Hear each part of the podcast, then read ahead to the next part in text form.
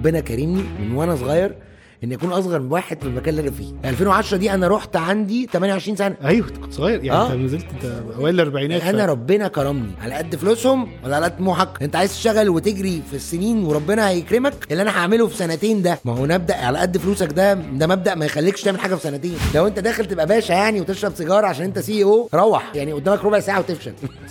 ولو أنت داخل عشان تخيط الحاجة بإيدك برضه هتفشل. صح.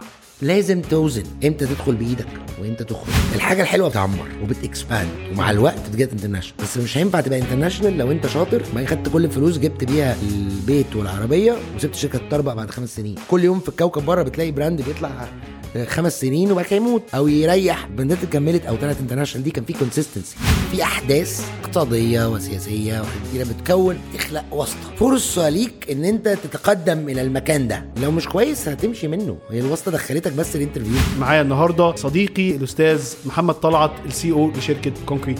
ازيك يا محمد؟ الله يخليك إيه؟ الله يخليك. ازيك يا رفاق؟ إيه؟ إزاي صحتك؟ أهلا بيك في business بالعربي بودكاست ربنا يخليك.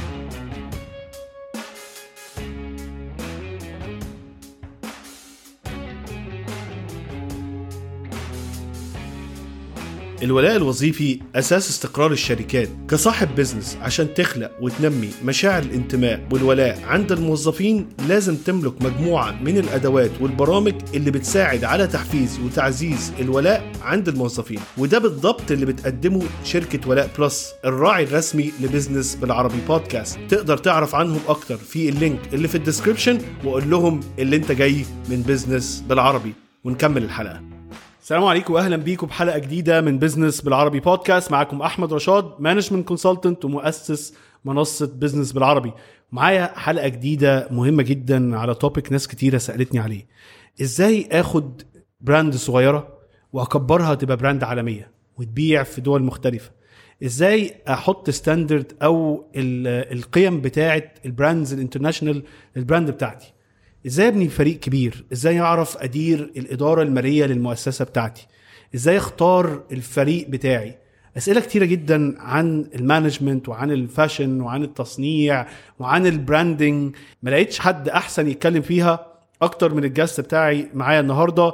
آه، صديقي ال guest بتاعي صديقي الأستاذ محمد طلعت ال CEO لشركة كونكريت ازيك يا محمد الله يخليك إيه؟ الله يخليك إزيك يا عامل رفاق؟ إيه؟ إزاي صحتك أهلا بيك في بزنس بالعربي بودكاست ربنا يخليك ميرسي على الفرصة اللطيفة دي و... أول بودكاست ليك هو آه أول بودكاست ليا إن شاء الله مش آخر واحد. يعني إن شاء الله يعني شاء الله. يكون ذو قيمة وينفع الناس يعني إن شاء الله إن ربنا شاء الله. يخليك وميرسي طيب. على الكلام الحلو ربنا يخليك آه، قبل ما نبتدي الحلقة يا جماعة عايز أفكرك لو أنت بتتفرج علينا على اليوتيوب ما تنساش تفعل جرس ال notification اعمل subscribe لأن أنا لاحظت إن أغلب الناس اللي بتتفرج علينا مش subscribe لل channel بتاعنا ويا ريت تكتب لنا في ال comment أسئلتك ليا أو لمحمد أو لو عندك أي آه، ترشيحات للحلقات في المستقبل ولو أنت بتسمعنا على أي منصة من منصات البودكاست الصوتية ما تنساش ال five star review رأيك في ال comments ويا ريت تعمل share ولو مع شخص واحد عشان نقدر نوصل الحلقات دي لأكبر عدد من الناس. محمد حابب تعرفنا عن نفسك.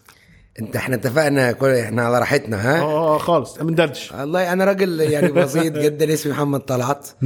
آه أنا يعني ليا الشرف اني اقود فريق عمل آه بتاع شركة كونكريت آه وهي واحدة من اهم ال fashion houses آه من في وجهة نظري الشخصية على الأقل آه في ال region بتاعنا. آه متزوج وعندي آه آه، ولدين واساسا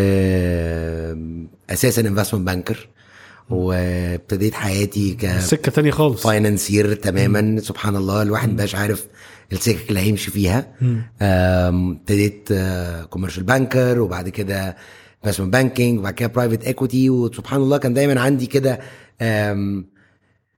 ما أعرفش كنت دايما بعمل advisory شركات في ال textile وال وال fashion وال garment making صناعة الملابس الجاهزة والمنسوجات والموضة والأزياء.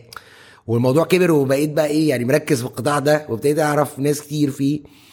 وراحت الأيام وجات الأيام وبقيت وأنا في عالم الاستثمار المصرفي وال investment banking بعمل استحواذات واندماجات في القطاع ده و زي ما بنقول طرح في البورصة للقطاع ده وبعدين آه، رحت بعد كده private equity اللي هي استثمار مباشر. فلقيت نفسي برضو بستثمر في شركات ليها علاقة بال زي ما بنقول ال entertainment ال fashion ال hospitality الضيافة الترفيه الموضة الأزياء صناعه الملابس. ولقيت نفسي بتحول إلى راجل عنده شوية خبرة استثمارية في هذا المجال. انضميت للمجموعة آه، اللي أنا آه، بعمل آه، من ضمنها في عام 2010 وكانت كونكريت واحدة من شركات المجموعة. من ضمن مجموعة شركات كلها بتخ- بتخدم الأسواق الخارجية. حلو. يعني هو ممكن تقول عليه مجموعة مصرية لكن هو 90% من عملياته في الخارج. ودي حاجة كانت واحدة من الحاجات اللي شداني جدا. في المجموعة دي لأنه آه، السوق المصري سوق كبير وكتير من آه، كتير من الشركات الأجنبية بتيجي تعمل جوه مصر لكن مش كتير شركات مصرية بتعمل خارج مصر. صحيح. ف... فكانت حاجة بالنسبة لي آم، آم، آم، كان عندي interest كبير إن أنا آه، أفهم الموضوع ده بيمشي إزاي وكانت ال operations بتاعتها أو عملياتها الخارجية very interesting ودخلتها من مجال الاستثمار. لأنه أي business أي مكان لازم يكون له إدارة استثمارية عشان تتأكد إن هو مكمل عشان تتأكد إن هو هينجح عشان تتأكد إن هو هيعيش لعمر طويل. فابتديت تاني أثقل معلوماتي الاستثمارية في الحتة بتاعت هذا المجال الموضة وصناعة الملابس الجاهزة والنسيج. وبعدين تبتدي تبص يا أخي تلاقي قد إيه الصناعة دي آه، آه، حيوية جدا لبلد زي بلدنا. والبلاد اللي زي بلادنا إزاي نامت فيها هذه الصناعة بشكل مبهر بمعنى انه في صناعة الملابس الجاهزة مثلا انت دي صناعة آه، كثيفة العمالة فانت بتعمل بتخلق وظائف عمل كتيرة جدا آه، محتاج آه، مستوى تعليم ما هوش تعليم عالي مثلا عشان تبدأ تبقى عامل في هذه الصناعة أو تكتسب خبرة. وتتفرج على قصص ناس في هذه الصناعة اللي بقى كان بيشتغل وابتدى عامل وابتدى يعمل عمليات محترفة في الصناعة دي وسافر إيطاليا فتعلم فتلاقيه راجع بيتكلم طلياني وعنده ستاندرد طلياني و- يعني ال- العمر فيها والتعليم كمان مبهر وتطور البني آدمين فيه. ولما تتفرج على إزاي إن الصناعة دي ممكن تتطور في أماكن نائية زي محافظات وجه قبلي مثلا وتخلق فرص عمل مش بس الرجالة لسيدات عاملات. وإحنا عندنا ستات عوائل كبيرة مثلا. عوائل بمعنى يعيلوا أسرهم. آه، فتبتدي تكتشف إن الصنا- الصناعة دي مهمة جدا. ولو أنت كمان بقى بتطبق لو أنت بتستهدف الأسواق الخارجية أنت بتطور من نفسك كل يوم وبتستعمل آه، مستويات من آه، زي ما بنقول بقى قيم وال ethics وال values وال work ethics إزاي ما يبقاش فيه زي ما تلاقي مثلا في دول تانية child labor قوانين. بما ان انت بتتعامل مع كيانات عالميه هم كمان عايزين يبصوا على ال ال الكيان المصري اللي بيتعامل معاهم هل هو على هذا المستوى من العالميه. فانت عارف غصب عنك بتبقى مجبر على تطبيق المعايير العالميه حتى لو بتنتج انتاج محلي. فمجرد استهدافك لأسواق تصدير انت بتنقل علم وخبرة ومعرفة وبترقي من مستواك المهني والإنتاجي وبالتالي بتنقل آه، علم الناس فبتخلق كوادر مع الوقت هم شخصيا مصريين بيعملوا في مصر بمستوى عالمي. فهي الموضوع بيقولوا عليه accumulation of wealth and knowledge. فالموضوع كان بالنسبة لي مبهر جدا إزاي أنت بتخلق وظائف باستثمارات قليلة؟ دايما كان مثلا نلاقي مثلا إيه إحنا عندنا في حاجات كده بنحبها قوي إيه باستثمارات تبلغ 100 مليار جنيه. على فكرة هو العائد بتاعه إيه وصنع إيه وعمل إيه. طب إيه، صناعة الملابس الجاهزه إيه، استثماراتها أقل بكتير من الأرقام دي بس بتخلق وظائف. بتخلق وظائف لشباب وانت كمان في بلد شابة بشكل كبير جدا وأغلب ال ال ال ال ال التشكيل السكاني بتاعك شباب. إحنا من الع... من الع... من ال... من, الع... من الكبار السن. إحنا خمسة 75% من الشعب المصري مثلا آه، أقل من 45 سنة. إحنا بقول لك إحنا من الكبار إحنا 25 يعني مم. ف... فدي ال... دي كبيرة. طيب أنا عايز ح... هنرجع خطوة لورا. آه، أنا عايز بس تديني تعريف عن شركة كونكريت للناس اللي ما تعرفهاش. إحنا بنتسمع من 65 دولة حوالين العالم.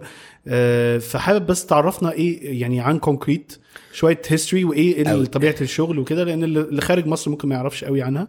كونكريت هي آه، شركة آه، أكبر retailer في مصر أو آه، محلات ملابس آه، جاهزة وتفصيل رجالي وأطفال و- آه، و unisex في مصر. آه، بتستهدف الطبقة آه، آه، ال- ال- زي ما بنقول middle upper اللي هو الطبقة المتوسطة والعليا وبتعد آه، آه، آه، آه، بديل حقيقي لأي واحد بيحب brand ات أو ماركات عالمية بره. واللي بيبهرني كمية الأجانب اللي بيجوا مصر مثلا ويخش محل ويبقى متأكد إنه ده هو محل شافه في إيطاليا أو محل شافه في أسبانيا والمنتجات دي أنا متأكد إني شفتها وتقابل راجل أمريكاني. آه أنا شفت المحل ده في لوس انجلس إحنا ما عندناش لسه محل في لوس انجلس واخد بالك؟ بس هو ده ال- ال- المستوى اللي كونكريت بيقدمه. كونكريت بقاله النهارده إحنا بنحتفل السنة الجاية إن شاء الله 35 سنة. ودي واحدة من أطول آه، كانت اللي في بيوت الموضة في المنطقة. آه، المنطقة فيها كتير من بيوت التوكيلات. الناس بتعمل شغلانة جميلة وعظيمة بس fashion house بهذا العمر عددهم محدود جدا. واللي منهم آه، زي ما بقول لك إحنا جزء من مجموعة عالمية عندها آه، علامات تجارية في إنجلترا في إيطاليا في البرتغال. فدايما في كونكريت بنلم بقى كل ال- العلم ده وحاطينه كله في كونكريت وده هدفنا إن إحنا بندي. إحنا بنقول إن إحنا brand طالع من مصر with the international and Mediterranean standards فبيخاطب ال standard ال international العالمي أو ال- ال stand العالمي المتأثر ب... ب... بثقافة البحر المتوسط. مصر إيطاليا لبنان آه، أسبانيا. هتلاقي آه، اليونان. هتلاقي نفس ال... نفس طريقة اللبس آه، ل... ل... انت- لو اتفرجت من أول الأفلام القديمة لما تتفرج على الشياكة اللي كانت في مصر وإزاي إن هي كانت أساس موضة هو جوه جوه جوه الموضة المصرية طول عمر آه، هذا الانفتاح على آه، أنا مش ما أقدرش أقول عليه الثقافة الأوروبية أنا أقدر أقول الثقافة العالمية لأنه لأنه زي ما بقول لك أنا كنت بحكي لك على كلمة ال international citizen أو ال international consumer مش international consumer المستهلك الدولي هم شبه بعض. يعني هو في م- مستهلك. بيشتري ال- الملابس بتاعه كونكريت هو نفس المستهلك اللي بيشتري الملابس بتاعه الماركة الأسبانية. ما أعرفش إحنا هنا ممكن نقول أسامي brand ات يعني ولكن أسامي brand ات طلياني. يعني أنت الراجل اللي بيشتري زينيا وبيشتري كانالي في إيطاليا هو نفسه اللي بيبص كمان الله ده كونكريت. هو كمان زينيا اللي made in Egypt with أحسن ده مصنع في مصر. بقماشات طلياني أو بقماشات مصري بأحسن جودة. هو ده الزبون اللي بيتفرج عليك. فأنت بتقدم في كونكريت هذا التواجد brand أو علامة أو بيت أزياء بيصنع في مصر لكن هو بيخاطب الزبون العالمي ال international consumer مش كده ممكن تلاقينا في محلات في إنجلترا وتلاقينا في محلات في الكويت وتلاقينا في محلات في السعودية. وإن شاء الله very soon أو يعني قريب جدا هنروح بكامل العلامة التجارية محلات قائمة بذاتها. آه، آه، آه، ولو إن أنا يعني برضو من الحاجات اللي, اللي, بما إن بن- بنذكر العلامات التجارية وال international business هتكتشف مثلا إن في بلاد كاملة قايمة على حاجة اسمها ال department stores يعني آه، أنت عشت برضو في أمريكا وشفت فكرة يعني إيه بلومينجديلز ساكس آه، في إنجلترا سيلفريدجز تلاقي دايما في corner بتاع آه، آه، آه، آه، بيت أزياء أو علامة تجارية نشأة من بلد. فتلاقي مثلا علامة تجارية يابانية علامة إيطالية علامة أسبانية علامة مصرية. مدية الزبون ال international أو الدولي الزبون الدولي ده الشريحة الدولية اللي هي بتسافر زي بعض وبتشوف نفس الماتشات وبتشوف نفس آه، ال business وبتقرأ نفس الأخبار مش لازم يكون من نفس. ال source مش لازم يكون هو بيتفرج على CNN بس ما هو ما هو بيتفرج على نفس الأخبار. واخد بالك؟ بس اهتماماته قريبة جدا من بعض. آه، بس بس عنده flavor مصري عنده flavor صيني عنده flavor ياباني عنده flavor أرجنتيني. هو ده الزبون اللي كونكريت بيكلمه وأعتقد إن إحنا آه، يعني number 1 in this إحنا إحنا هنتكلم أكتر في التفاصيل. أنا حابب أرجع لورا شوية. آه، يعني أنت أصلا كنت درست فين؟ إيه ال- الجامعة اللي دخلتها؟ أنا تجارة إنجليزي قصة. القاهرة. تجارة إنجليزي القاهره آه. جامعة القاهرة. آه، جامعة القاهرة. وكنت يعني شاطر جدا لغاية آه، أولى ثانوي. وبعدين والدي توفى الله يرحمه آه، في أولى ثانوي.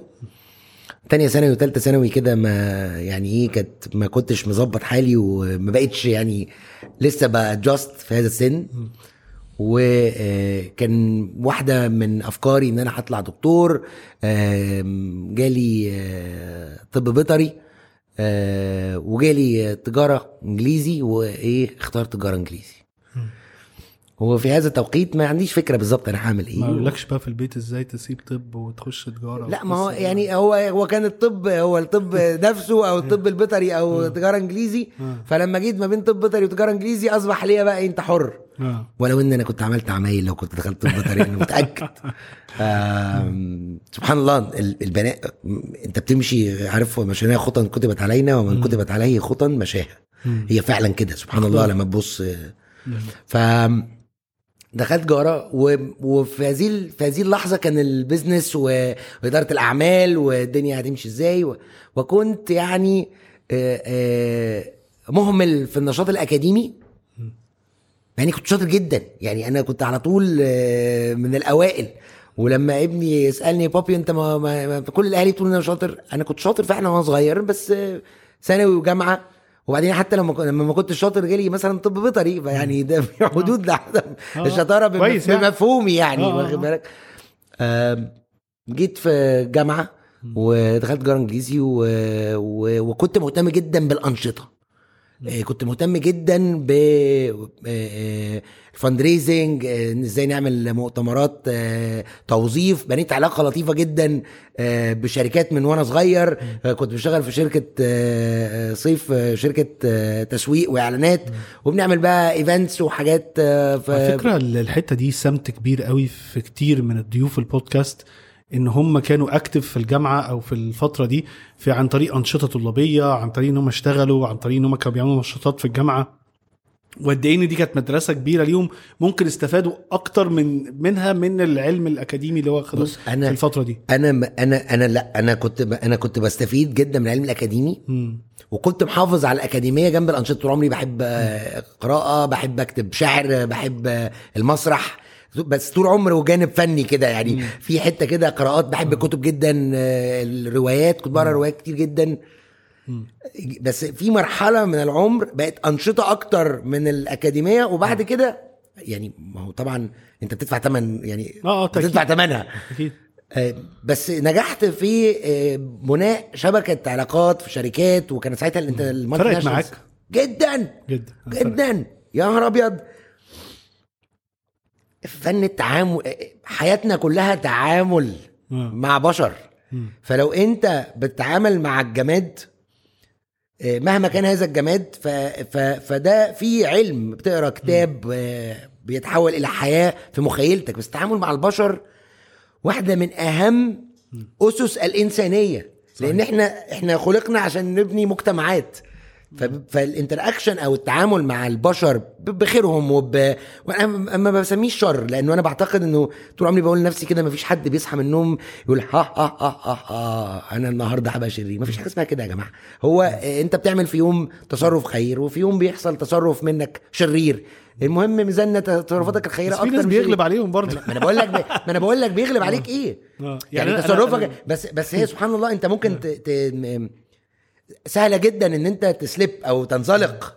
فعشان كده أنت بت... بتواجه نفسك وبتكلم نفسك طب أنا تصرفاتي خير أكتر من الشر طب أنا محتاج أزود الخير. يعني هو هي حياتك كده كلها. أنا بشوف ال- يعني إن فكرة إن البني آدمين أبيض وأسود ده كلمة يعني بعتبرها اعتقاد ساذج نوعا ما مفيش حد أبيض قوي يعني أبيض من ناحية اللي هو خير 100% لأن هو هيبقى ملاك وأسود خالص هو هيبقى هو إحنا مش اتفقنا. شيطان يعني البني آدم عبارة كلنا عبارة عن إيه رمادي بس أنت بتحاول تبقى الرمادي شيء، فاتح درجات. يعني. آه أنت عايز تبقى رمادي فاتح لا، يعني خلينا نتفق على حاجة سبحان الله هو خلق ملائكة وخلق شياطين آه. صح صح. خلق في النص إنسان الإنسان بقى في منه زي الملائكة إن شاء الله يكون في الجنة وفي منه زي الشياطين والعياذ بالله هيخش نار فهو. دي الدرجة أنت مايل ناحية إيه أيوة.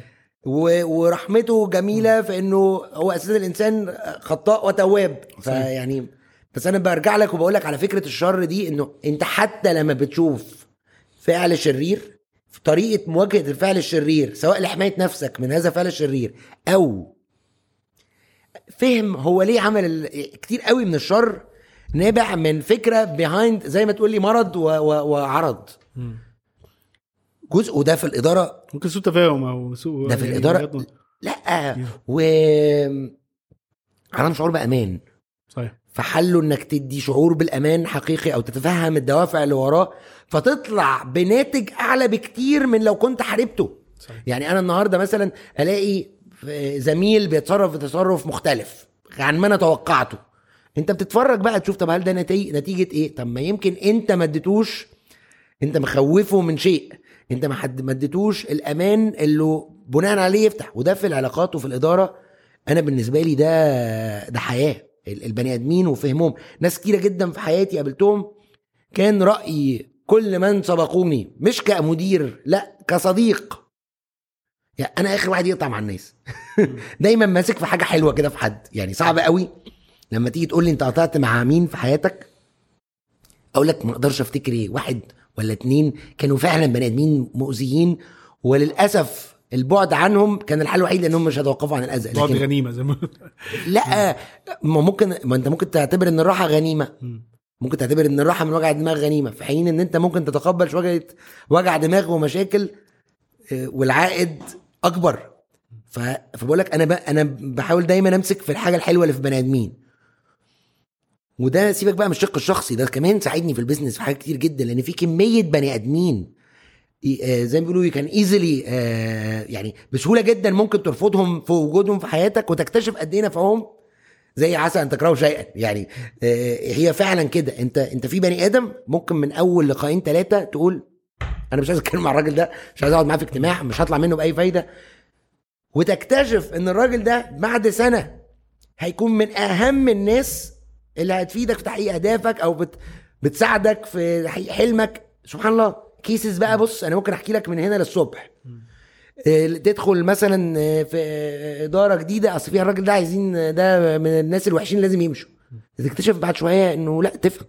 وفي ناس للأسف بيبقى العلاج آه، خلاص too late بس أنا مؤمن إن عددهم قليل وبعيد. لا وكمان العلاقات يعني ساعات كتير قوي نقول للناس ما, ما تحرقش don't burn bridges ما تحرقش آه، يعني صلة مع الناس لأن أنت ما تعرفش الدنيا كلها صغيرة والإدارة نفسها صغيرة والأشخاص هتقابلهم ما تعرفش تقابلهم إمتى تاني. فلازم حافظ على العلاقات وحافظ على طريقة التعامل حتى لو حد انت شايف ان انت مش هتعرف تتعامل معاه قوي؟ يعني إيه زي ما بيقولوا إيه هجره هجرا جميلا. يعني إيه بطريقه لطيفة كده و بس كمان أنا هقول لك على حاجة. مم. الناس بتعرف في الخناق في الخصام. عمرهم ما بيعت- ما بيتعرفوا. طبعا. فأنا بعتقد إن موضوع don't burn your bridges دي أو ما تنهيش علاقاتك هو بني آدم عنده lifestyle معين أو هو عنده تاريخ أو زي ما بيقولوا pattern طريقة معينة في الحياة. أنت في العموم لما بتكتشف إن ده أنت وصلت لطريق مسدود في أي حاجة في حياتك في شغلك في بيتك في أصحابك في حياتك الزوجية في حياتك العاطفية أنت بتنهي حاجاتك إزاي؟ هل بتنهيهم ب... ب... زي ما بيقول لك كده بقى إيه أم... أم... في حديث أنا بحبه عن سيد عن سيدنا النبي آه، الفجر عند الخصوم يعني آه. ينسب لسيدنا النبي فجر عند إنه آه، كمان آه، الفجر عند الخصومة دي حاجة دي خرافية. من من سمات ال- المنافق. آه. الفجر عند الخصومه ده آه. إيه- إذا- إيه- اللي هو إذا خاصم فجر ولا تنسوا آه ولا تنسوا الفضل فجر. بينكم. مش لازم يبقى خلاص يا- شيطان آه، خلاص نذكر له له ما له وعليه ما عليه. يعني ده كان دي حاجة كويسة وحاجة وحشة. خلاص خلصت الحكاية لحد هنا. خلاص بقى تعالوا move forward كملت في بنيت شبكة علاقات علاقات لطيفة وأنت آه. في الجامعة. آه. آه، كملت اتخرجت. صديق عزيز ليا آه. كلمني. مم. وكان في هذا التوقيت كل الناس إن أنا كنت كمان إدارة أعمال كان كل الناس بتعتقد إن أنا هخش بقى واحدة من ال multinationals الحاجات بقى ال fast moving goods ال consumer goods اللي هي السلع ال- الاستهلاكية الحاجات ال international الجديدة الدولية الشركات المتعددة الجنسيات الموجودة. كلمني صديق عزيز وقال لي إنه في شغلانة آه، هو كان بيشتغلها في بنك وهو رايح شغلانة أحلى بكتير و more sophisticated و وكان كانت بيع آه، آه، فيزا. credit card. وما كانتش فيزا آه، عادية ما كانتش فيزا اللي هو credit card أو كروت الائتمان اللي إحنا متعودين عليها. لا دي كانت كارت مخصوص للصيادلة في في البنك. وكان هذا المنتج بيعتبر من أقل المنتجات اللي في البنك. يعني يعني يعني في يعني البنك ده أنت عارف في راجل بتاع ائتمان وفي راجل بتاع dealing room وفي راجل بتاع كان اسمه pharma. ال product ده كان اسمه pharma. وكان بينظر وطبعا أي حد يسمعنا من أصدقائي لأن دي قصة يعني دايما إحنا مشهورين بيها دايما أقول لهم أبناء ال pharma الكرام واخد بالك؟ لأنه وكلهم في حاجات جميلة ويعني في أماكن جميلة في كل حتة ربنا يحفظهم. أنا قلت لك قبل كده كل أصحابي أحسن مني بيعملوا حاجات كتيرة جدا حلوة يعني. ف... ف team ال pharma ده كمان عمل حاجات كتيرة وناس كتيرة راحوا في حتت كتيرة بس back then أو في وقتها ما كانش حد بيبص قوي المنتج ده منتج ضعيف. بنك البنك بيعمل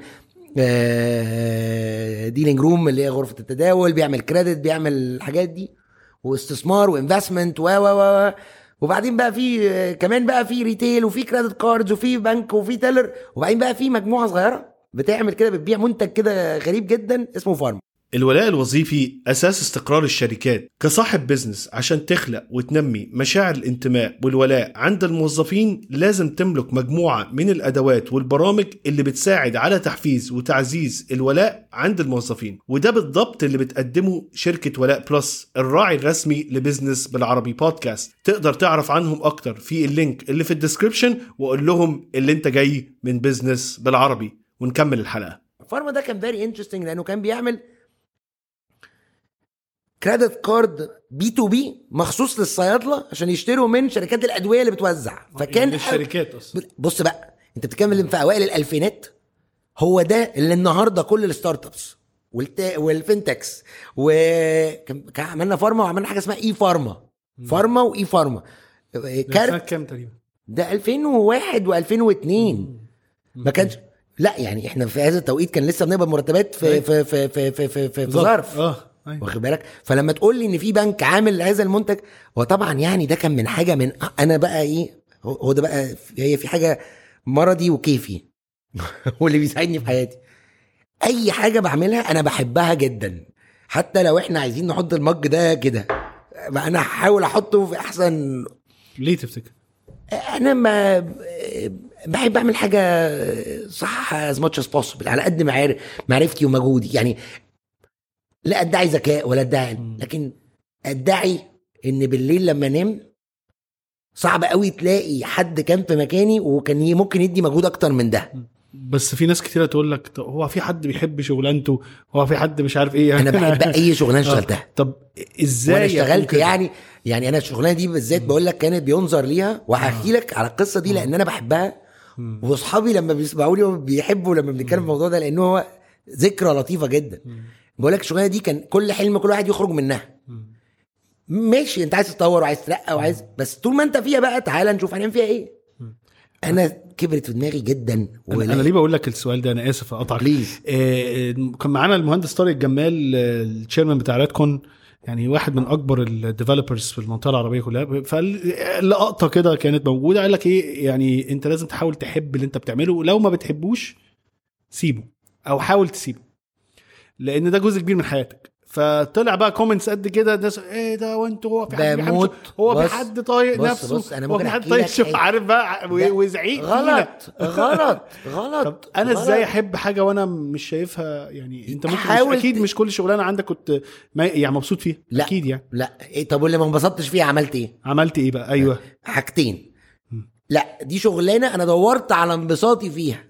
ففهمت إيه إيه قيمتها. أنا بقول لك في أوائل الألفينات إن كان يبقى في منتج B2B النهارده كل ال startups وكل ال tech أي حد بيسمعني من ال من ال industry هيبقى عارف إن ده منتج كان لو تحقق وكمل كان هيبقى بيعمل طفرة في الألفينات. فيبقى ال money inclusion وكل اللي إحنا بنتكلم فيه دلوقتي؟ ده في تاريخه كان حاجة عظيمة جدا. فأنا رحت حبيته بهذا ال ال ال بهذا بهذا الفكر إنه بيعمل حاجة مفيدة. هو إيه فايدته؟ زي ما أنت أنت لو دفر لو ما فيش شغلانة ما بتفيدش حد أو ما بتفيدش objective لو دورت على ال objective وفهمت إن أنت محتاج ت serve أو objective هدف. توصل لهذا الهدف خلاص عينك بتركز تاني. زي ما بقول لك أنا ما ب... ب... ب- بركز على الحلو اللي في كل بني آدم أعرفه. حتى لو آه، ناس كتيرة مش عايزة تعرفه هو في حاجة حلوة. أنا أنا بدور على الحاجة الحلوه فيها. هل تفتكر إن ده attitude أو أو طريقة رؤية أمور مش معناها إن إن يعني أنا ممكن أبص لحاجة وأنت تبص لحاجة ما أنا سبتها بعد دي سنتين كويسة وأنا أقول لك دي ده مقرفة خالص. أه طبعا perspective آه perspective يعني طريقة- طبعا وجهة نظر. وجهة نظر. بقول لك إيه أنا بقيت بقى أروح أعمل إيه؟ قعدت إزاي؟ إحنا ما كانش عندنا target يعني ما كانش عندنا هدف وما كانش عندنا ما كانش عندنا sorry عمولة على البيع. فأنا كنت كل شهر بزود بعدي target فكان يجيني مثلا حد يقول لي يا ابني إحنا بنعمل كده ليه؟ كده انت بتعلي ال target أنا مش بعملها عشان target أنا متأكد إن دي ينفع يتعمل أكتر من كده وهتنفع الدنيا وهتنفع الناس وأنا شخصيا بتعلم. بقيت بعمل بدل ما أنا أروح مباشر بقيت اجر قاعات. إحنا كان البنك ساعتها كان مثلا يمكن 8 فروع النهارده هو واحد من أكبر بنوك مصر يعني.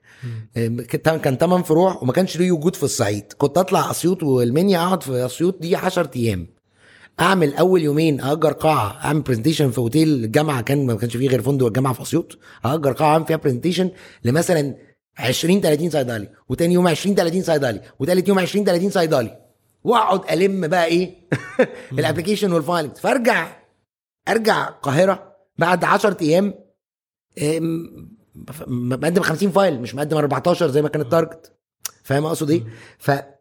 فانا كنت متاكد ده بيفيد وبيكبر ال- business وساعتها ومن هنا بقى سبحان الله ما هو انت لما بتحب الحاجة الدنيا آه، ال- الرجل العظيم اللي كان عضو منتدب في في, في تاريخه والنهارده هو راح واحد يعني أهم قيادة مصرفية في, في, مصر وابتدى يجي له تقارير وقال لهم لا طب أنا عايز أعرف مين الجدع إيه الأرقام دي ليه ده فيه نمو ليه هاتوا لي الجدع ده طب أنا عايز أستثمر فيه. وكان دي كانت الخط يعني خطة ربنا سبحانه وتعالى إن أنا لما اشتغلت بهذا ال- بهذا الشكل وبهذا الاتيتيود وحبيت اللي بعمله ده رحت رايح طب طب تعالوا نستثمر فيه تعالوا نعلمه ائتمان تعالوا نعلمه استثمار.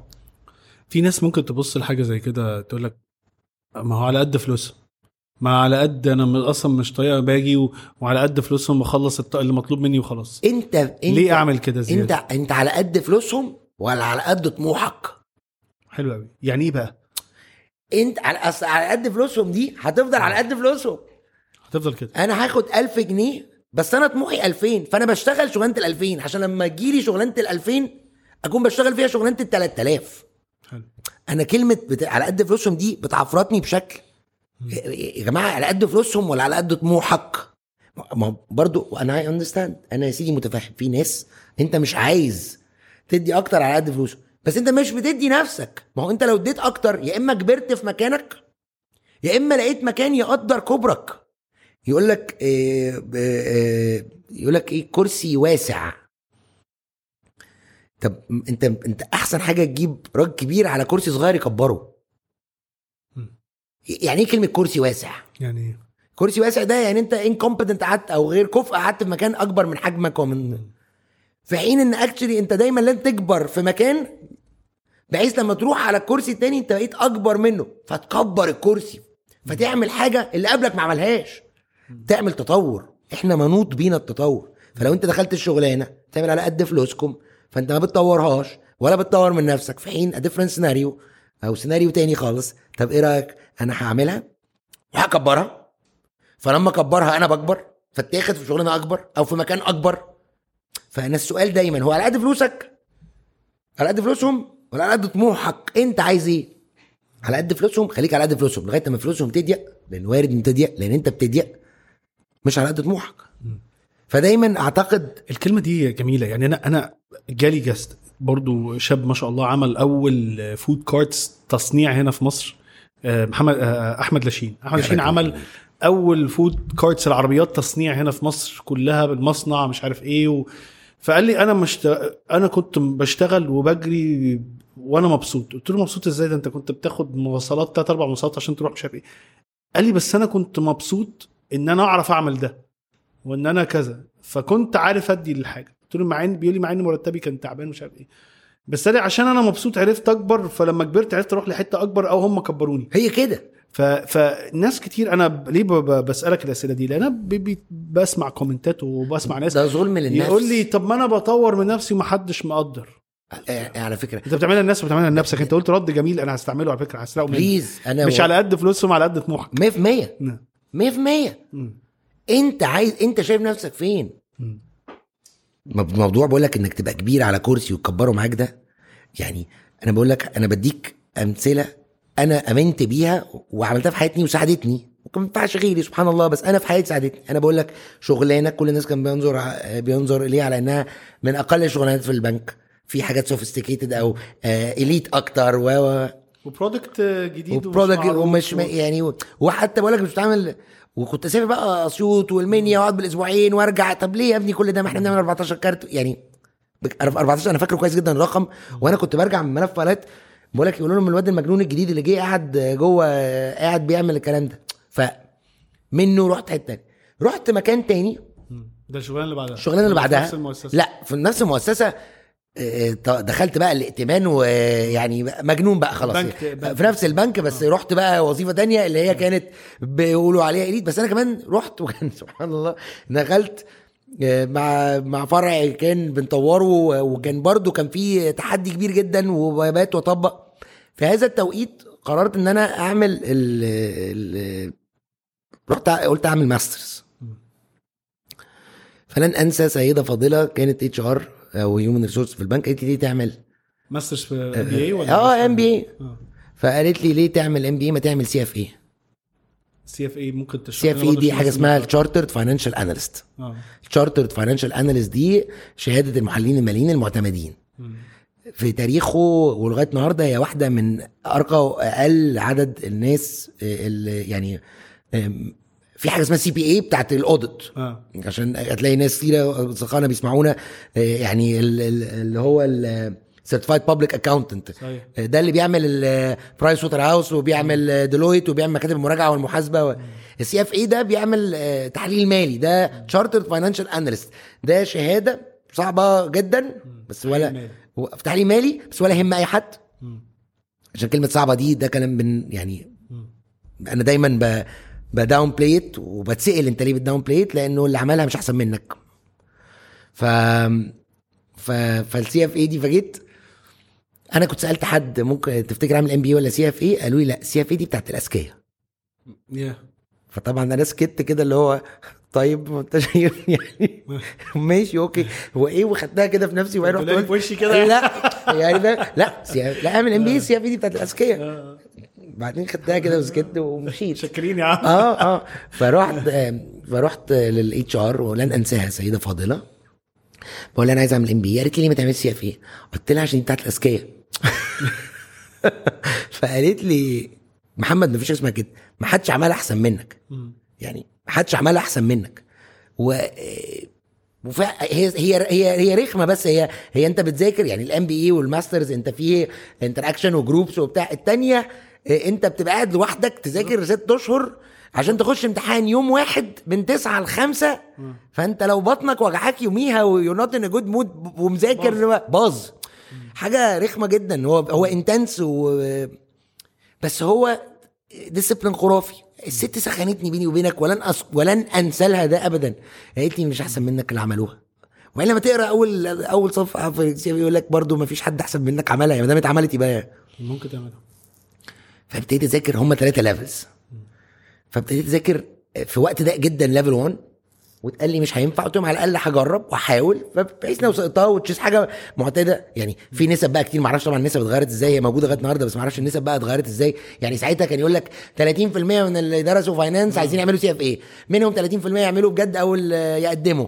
منهم بعد ما يتقدم 30% بس اللي يخشوا امتحان level 1 آه، بعد منهم منهم مش عارف 30% بس اللي بيخش level 2 وبعد كده بقى بيبقى 60% بيخشوا level 3 لأن level 3 أسهل level أنت once عديت level 2 خلاص.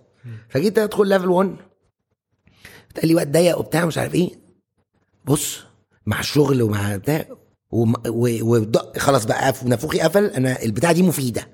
أنا عايز أتعلمها. بعوض بقى إيه؟ ما أنا اكتشفت أنا أنا كنت في الجامعة خدت ملخصات وقالوا لي ال cash flow مش جاية في الامتحان. فما ذاكرتش ال cash flow ال cash flow دي عصب حياة ال finance. جيت لما جيت وأنا أول ما دخلت البنك فجيت آخد course الائتمان فبيقولوا لي ال cash flow قلت لهم لا دي ملغية. فطبعا اكتشفت إن أنا I missed out أو يعني أو فاتني حاجات خسارة. يعني لو رجع بيا الزمن أقعد أقرأ الكتب بتاعت الجامعة دي تاني. لطاف جدا. فرحت إيه خلصت. قعدت عملت level 1 ده ذاكرته بقى بص يا رشاد إيه إيه أنا شغلي كنت بخلص الساعة 7 ميت. لو روحت بيتنا وغيرته مش هوصل لحاجة فخلاص بقعد فبقعد في البنك من 7 ل 9 أو ل 10 طبعا ده كان discipline بقى قتل للنفس في ظل أنت بتتكلم في العشرينات وعايز تخرج وصاحب وعايز تروح وتيجي والناس كلها خارجة وهايصه حاجة لطيفة جدا بس أنا كنت دم- يعني أنا كنت عايز أثبت حاجة أنا عايز أتعلم علام يفيدني. واتعلمت ان لما كنت في business administration وأنا أصلي هطلع sales. هي كل حاجة فيها sales هي sales دي communication أنت بتبيع سلعة محددة تامل إنها تكون بتنفع الناس. والم... أنت قلت حتة مهمة قوي أنا أنا كنت بقعد أقعد أذاكر متأخر وكذا وكذا وكذا. متهيألي دي تكمل القصة اللي أنت قلتها قبل كده على قد طموحك. المشكلة إن الطموح ده ليه ثمن لازم تدفع ثمنه هتدفع ثمنه لا في بص بقى اصل إحنا كبرنا كلنا وبنقرا كتب بقى يعني الكلام اللي بحكيه لك ده ما كانش ساعتها كنت لسه بقرا كتب بقى energy وكتب ال leadership وكل الحاجات اللي إحنا بنقراها وال articles يعني الدنيا برضو إيه هو انت محتاج تعمل اللي 5% من الناس بيحاولوا يعملوا اللي 100% من الناس بيحاولوا يعملوه 5% بيصروا يعملوه 95 they give up. على قد ما ربنا يقدرك عشان أنا مش عايز صح أصل أنا الكلام ده كمان لما بيطلع هو ربنا بيوفقك وبيديك وبيلهمك بس إيه هي هات وخد. يعني أنت تقرب لي ذراعا وأنا تقرب لي يعني هي خطوة خطوة. يعني أنت لو مديت إيدك في الحاجة وبس ثبت كده شوية تلاقيها شدتك. حتى لو ما جبتش 100% هتجيب 80 و80 ده أحسن من الصفر لو ما عملتش أي حاجة خالص. السي اف اي السي اف اي فيها حاجات. فيها مثلا حاجة اسمها ال derivatives أنا حتى يومنا هذا موضوع ال derivatives ده بالنسبة لي معقد جدا. جداً. خلاص؟ بس أنا لقيت إن أنا حريف في حتة اسمها financial statement analysis تحليل مالي. لقيت نفسي حريف في equity لقيت نفسي حريف في كام حاجة؟ طب فبقيت بعمل إيه؟ بقيت strategies أنا هركز في ده. وهطلع أحسن حاجة. فحتى لو ده وقع مني أنا عرفت ال strength أو نقاط القوة بتاعتي فين. بس لازم في discipline كمان لأن أنت بتعملها مع نفسك.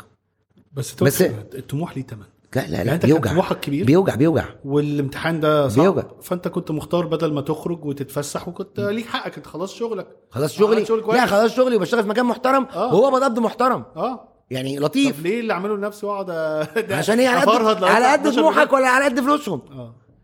المهم الطموح صعب برضه.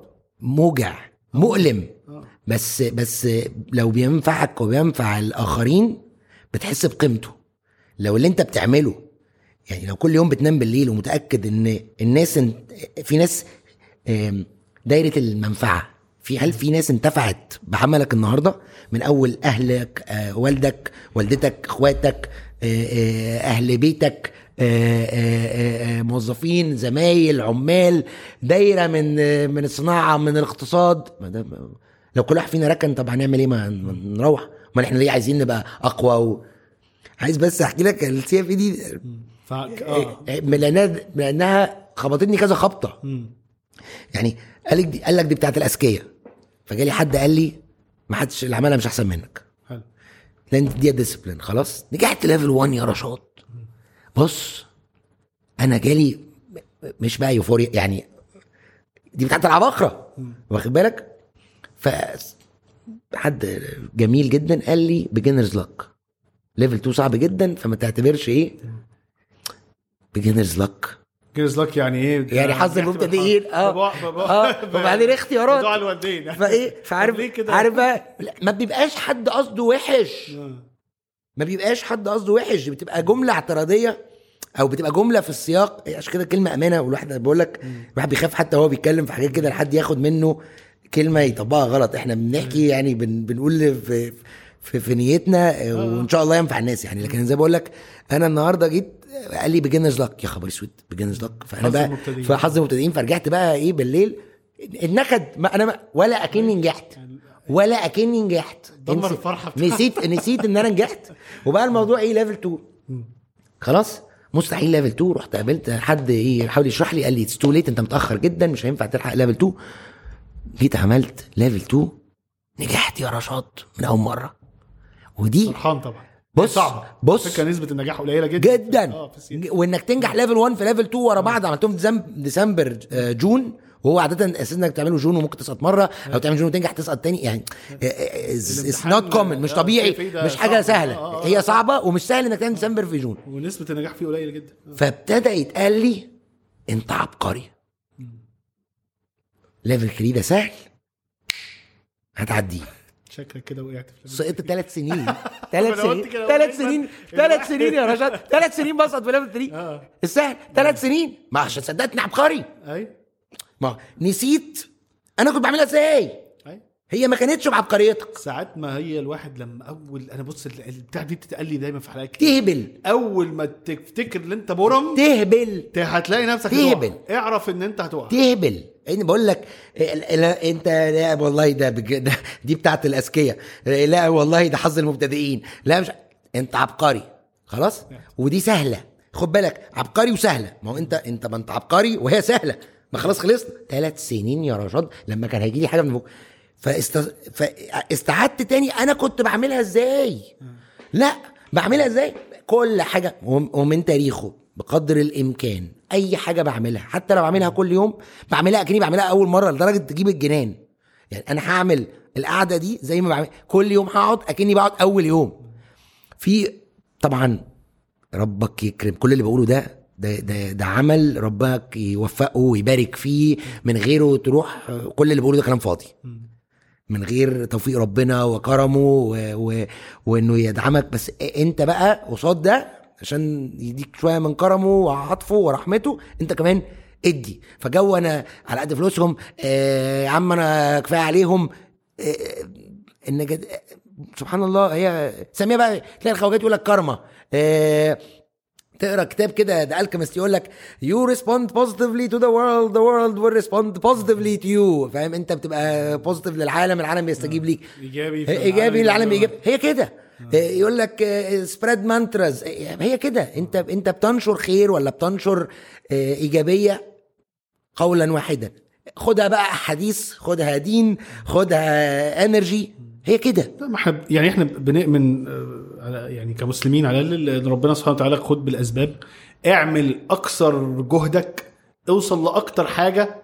ما يقول لك إن استطعت. الله يحب إذا اتقن اذا إذا عمل أحدكم عملا أن يتقنه. وبعد كده سيبها على الله. يعني أنت اسعى وسيبها على أنت الله هو مطالب التوفيق منه. أنت مطالب بالسعي مش مطالب بالسعي؟ بالنتيجة. بالظبط. بس اللطيف بقى باللطيف بقى إن ربنا سبحانه وتعالى لما أنت بتسعى في أغلب الأحيان بيديك نتيجة ولو اداك نتيجة مش دي اللي أنت كنت فاكرها في دماغك بيبقى بيبقى ليها وجهة بيبقى ليها فكرة. لما تبص قدام هتفهمها. في حلقة كانت آه، مع guest يعني أنا أنا بحب أفتكر كلمات كتير من ضيوفي. ففي واحد من ال guest كان آه، آه، أستاذ هاني عبد الله كان قال كلمة جميلة قوي قال لي ما حدش بيحاول وياخد صفر. 100% قال لي أنت بتحاول. ممكن ما تاخدش نتيجة بتاعت بس سبحان الله ربنا يفتح لك باب من طريق تاني انت مالكش دعوة بيه بس انت كنت بتجري.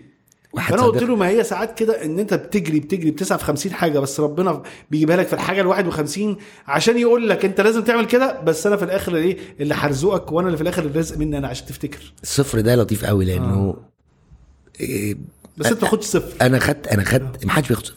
آه. لو اجتهد مش ممكن تاخد صفر. آه عندي آه، أنا أنا خدت CFA وابتديت أدرسها في AUC ودي كانت نقلة تانية في مذاكرتي. أنت تدرسها فهمني. ده بعد ال بعد level 2 آه. كنت بدرس level 1 حلو. في في ال AUC في الجامعة الأمريكية. آه. كان كان في program بتاع CFA وده مثلا في وقت شغلي كنت نقلت بقى investment banking و all-nighters وبنطبق ثلاث أيام. وانت طبعا راجل أمريكاني وعارف يعني إيه زي وول ستريت وأنا كنت في واحد من أقوى ال investment banks في تاريخه. كان عندي تيم كلهم يعني من رجال وول ستريت الأقوياء من شبابها اللي علموني علم فظيع. ال investment لو banking أو البنوك الاستثمارية دايما يقول لك إيه أول سنتين ثلاثة أنت عبد. مفيش مفيش مفيش. مفيش إنسى إنسى آه آه إنسى بتقعد يحرقوا فيك. إنسى يعني. آه. طبعا ممكن دلوقتي تحلو عليه بس. كلهم أصدقائي واساتذتي وحبايبي لغاية النهارده وزمايلي واعزائي واصدقائي. بس كان يعني وبقول لك كنت بحب آه، آه، آه، مع مع هذا الضغط أنا كنت بدرس وكان كتير من الناس يقولوا لي انت ما عندكش وقت بتدرس ليه بالليل؟ يا جماعة أنا لما بدرس أنا بستفيد لأنه وأنا بذاكر أنا بذاكر عشان أنجح وأفهم. وأنت بتذاكر عشان تدرس أنت مش عايز حد يسألك دي ليه وما عندكش إجابة. ما أنت مش هينفع أنت بقى اللي تقول له هي كده. فكمان أثقلت فيا بشكل كبير جدا. ولقيت بقى إن أنا كمان بكون صداقات. يعني النهارده في هذا الجيل اللي اللي درس CFA؟ من 2000 و 3 ل 2010 أو 11 والنهاردة هم كلهم في أماكن كويسة جدا. وكلهم أصدقائي وكلهم ونتريق يقول لك ده أستاذي إحنا قريبين في السن. استاذي يا عم أنت لو يعني علاقات وعلم وحاجة جميلة بننفع بعض. وأنا بقول لك لما كنت بدرس فهمت أكتر ما كنت بذاكر فاستفدت جدا. ده حقيقي. بيقول لك لو عايز تتقن حاجة درسها. موضوع الزيرو ده مم. واحد جالنا في الامتحان ف آه، آه، بس كان في حاجة في البنك فجاب صفر. فأنا لن أنسى الراجل أستاذي اللي كان بيدرس له فبيقول له أنا حاولت. قال له الصفر ده مجهود. انت لن تعمل مجهود عشان تاخد صفر. ما ينفعش تاخد صفر. لو عملت أي محاولة الصفر ده قرار. فالصفر ده قرار. انت مصفر معادلتك. انت بتديهم على قد فلوسهم. فانت هتفضل على قد فلوسهم. مش تعاد يعني موضوع الصفر ده ما عمرك ما تاخد صفر؟ وفعلا انت عشان تاخد صفر ده قرار. انت مقرر تاخد صفر. انت دخلت ما حطيت على اي واحد يقول لك انت حطيت اسمك هتاخد درجة. غيرت خلصت level 3 الحمد لله. انتقلت لل private equity أو الاستثمار المباشر وبرده حتى investment banking واستثمار طب مباشر ال private equity معلش آه، ممكن تشرح لنا شوية عنه؟ وأنت إيه اللي خلاك تحب تخش في ال private equity ده سكة تانية ومش سهله إن حد يخشها مش م... طبعا نصيب. أنا كان عندي واحد صديق عزيز ليا وكان بيشتغل في واحدة من أكبر ال private equities في أمريكا أو الاستثمار المباشر في أمريكا. وجاله فرصة إنه يدير صندوق لشركة آه، إماراتية آه، تستهدف عمل صندوق في مصر حلو. في تاريخه. وهو كان صديقي العزيز وكان عارف إن أنا شاطر ومجتهد وبحاول وهو كان عبقرينه وصديقي العزيز لحد دي دلوقتي. مهمة دي الجزء من زي ما قلنا عليه نتكلم بناء العلاقات. بني آدمين أنت عايش أساسا. بناء العلاقات. فكلمني. آه، تيجي تيجي نروح نشتغل في ال fund بتاع آه، أبو ظبي عايزين يعملوا fund والشركة اللي في أبو ظبي عايز تعمل fund في مصر وبتاع. يا عم أنا بشتغل في ال investment bank و openness ها؟ إزاي تنفتح على الأفكار. في هذا التوقيت ال investment bank اللي أنا كنت بشتغل فيه ده أو البنك الاستثماري اللي أنا بشتغل فيه ده كان بيخلص آه، آه، آه، آه، إنه يبقى مستحوذ بجولدمان ساكس وأنت تعلم كويس جدا إن جولدمان ساكس واحد من the top أو من أهم ال investment banks اللي في في العالم العالم كله. فكنا كلنا منتظرين إحنا هنبقى جولدمان ساكس خلاص. بيخلصوا. ومفيش أي حاجة أنا هشتغل فيه خلاص مفيش أي حاجة توحي. ب ب ب يعني أي حد في هذه اللحظة هو مش سيب ليه؟ أنا هبقى جولدمان ساكس. مم. صديقي العزيز ده كلمني وبتاع مش عارف إيه. ورحت. يا أنا بس مش يعني في دماغي ما قال لي محمد نجرب تروح ونشوف. وأنا ده اللي بحكي لك عليه هو ال آه، الانفتاح. لو أنت منغلق على العالم مش بتسمع لفرص سبحان الله ممكن فرصة تعدي عليك ما تشوفهاش فجزء كبير من فكرة الانفتاح للحياة يعني دايما آه طب انت نزلت اتعشيت مع الراجل ده ليه؟ آه قابلت آه الست دي آه عملت إيه؟ سبحان الله انت ما تعرفش ال ال العلاقة دي هتفيد في إيه قدام أو. تلاقي حاجة لفت ورجعت واستفدت وعملت شراكة هنا و... يعني الحياة عبارة عن آه، بني ادمين آه. فبقول لك فلقيته فاست... استمعت. وقلت أجرب. رحت عملت interview وادوني offer وكان offer مبهر جنب اللي كنت باخده. آه. فابتديت تفكر بقى آه، يعني إيه؟ ممكن. قلت قلت لأ. أنا مش أنا جولدمان ساكس و و و المهم كان عندي مدير راجل فعلا من أنقى الناس اللي ممكن تقابلهم في حياتك. ومن أصعبهم. هو لو سمعني هيعرف فدخلت آخر يوم لازم أرد على الأوفر والأوفر فعلا ما يترفضش. دخلت عليه فقلت له يا فلاني يا صديقي العزيز يا رئيسي أنا عندي الأوفر ده وأنا هرفضه. أنا جاي جاي بس أقول لك لأني يعني كان لازم اي هاد تو كان لازم أقولها بس يعني قال لي آه، اقعد هنا. بص بقى الحلاوة. آه. اقعد هنا. تعالى هنا. وريني. ال offer ده إيه. كذا كذا كذا كذا كذا كذا. قال لي طيب. يعني طب نقعد نتكلم بالعقل. انت لو مشيت أنا هلبس كمية شغل خرافي وهدور عليك وهدور على أجيب ناس و. يا بس ما ينفعش تيجي تقول لي ان ده offer وهترفضه وأنا اسيبك تمشي. ده ما يتسابش. ولا قلت له بس أنا مش عارف الشركة اتاسست إمتى؟ قال لي ها وبعدين بس راجل محترم جدا. فلة. يعني ساعات. برضه في ناس تقعد تشتكي حبيبي. مديرين. في ناس تشتكي مديرين كده بس في مديرين بيأثروا في حياة هو الإنسان أنا كبير كل جداً. بص أنا بص أنا أنا ربنا ده كرمني. leadership بجد يعني. أنا ربنا كرمني. آه. أنت برضو بتبص على إيه؟ يعني هو من أصعب المديرين اللي شفتهم في حياتي. صعب. أنت خدت منه إيه بقى؟ آه. لا هو genuine حقيقي حلو. مخلص.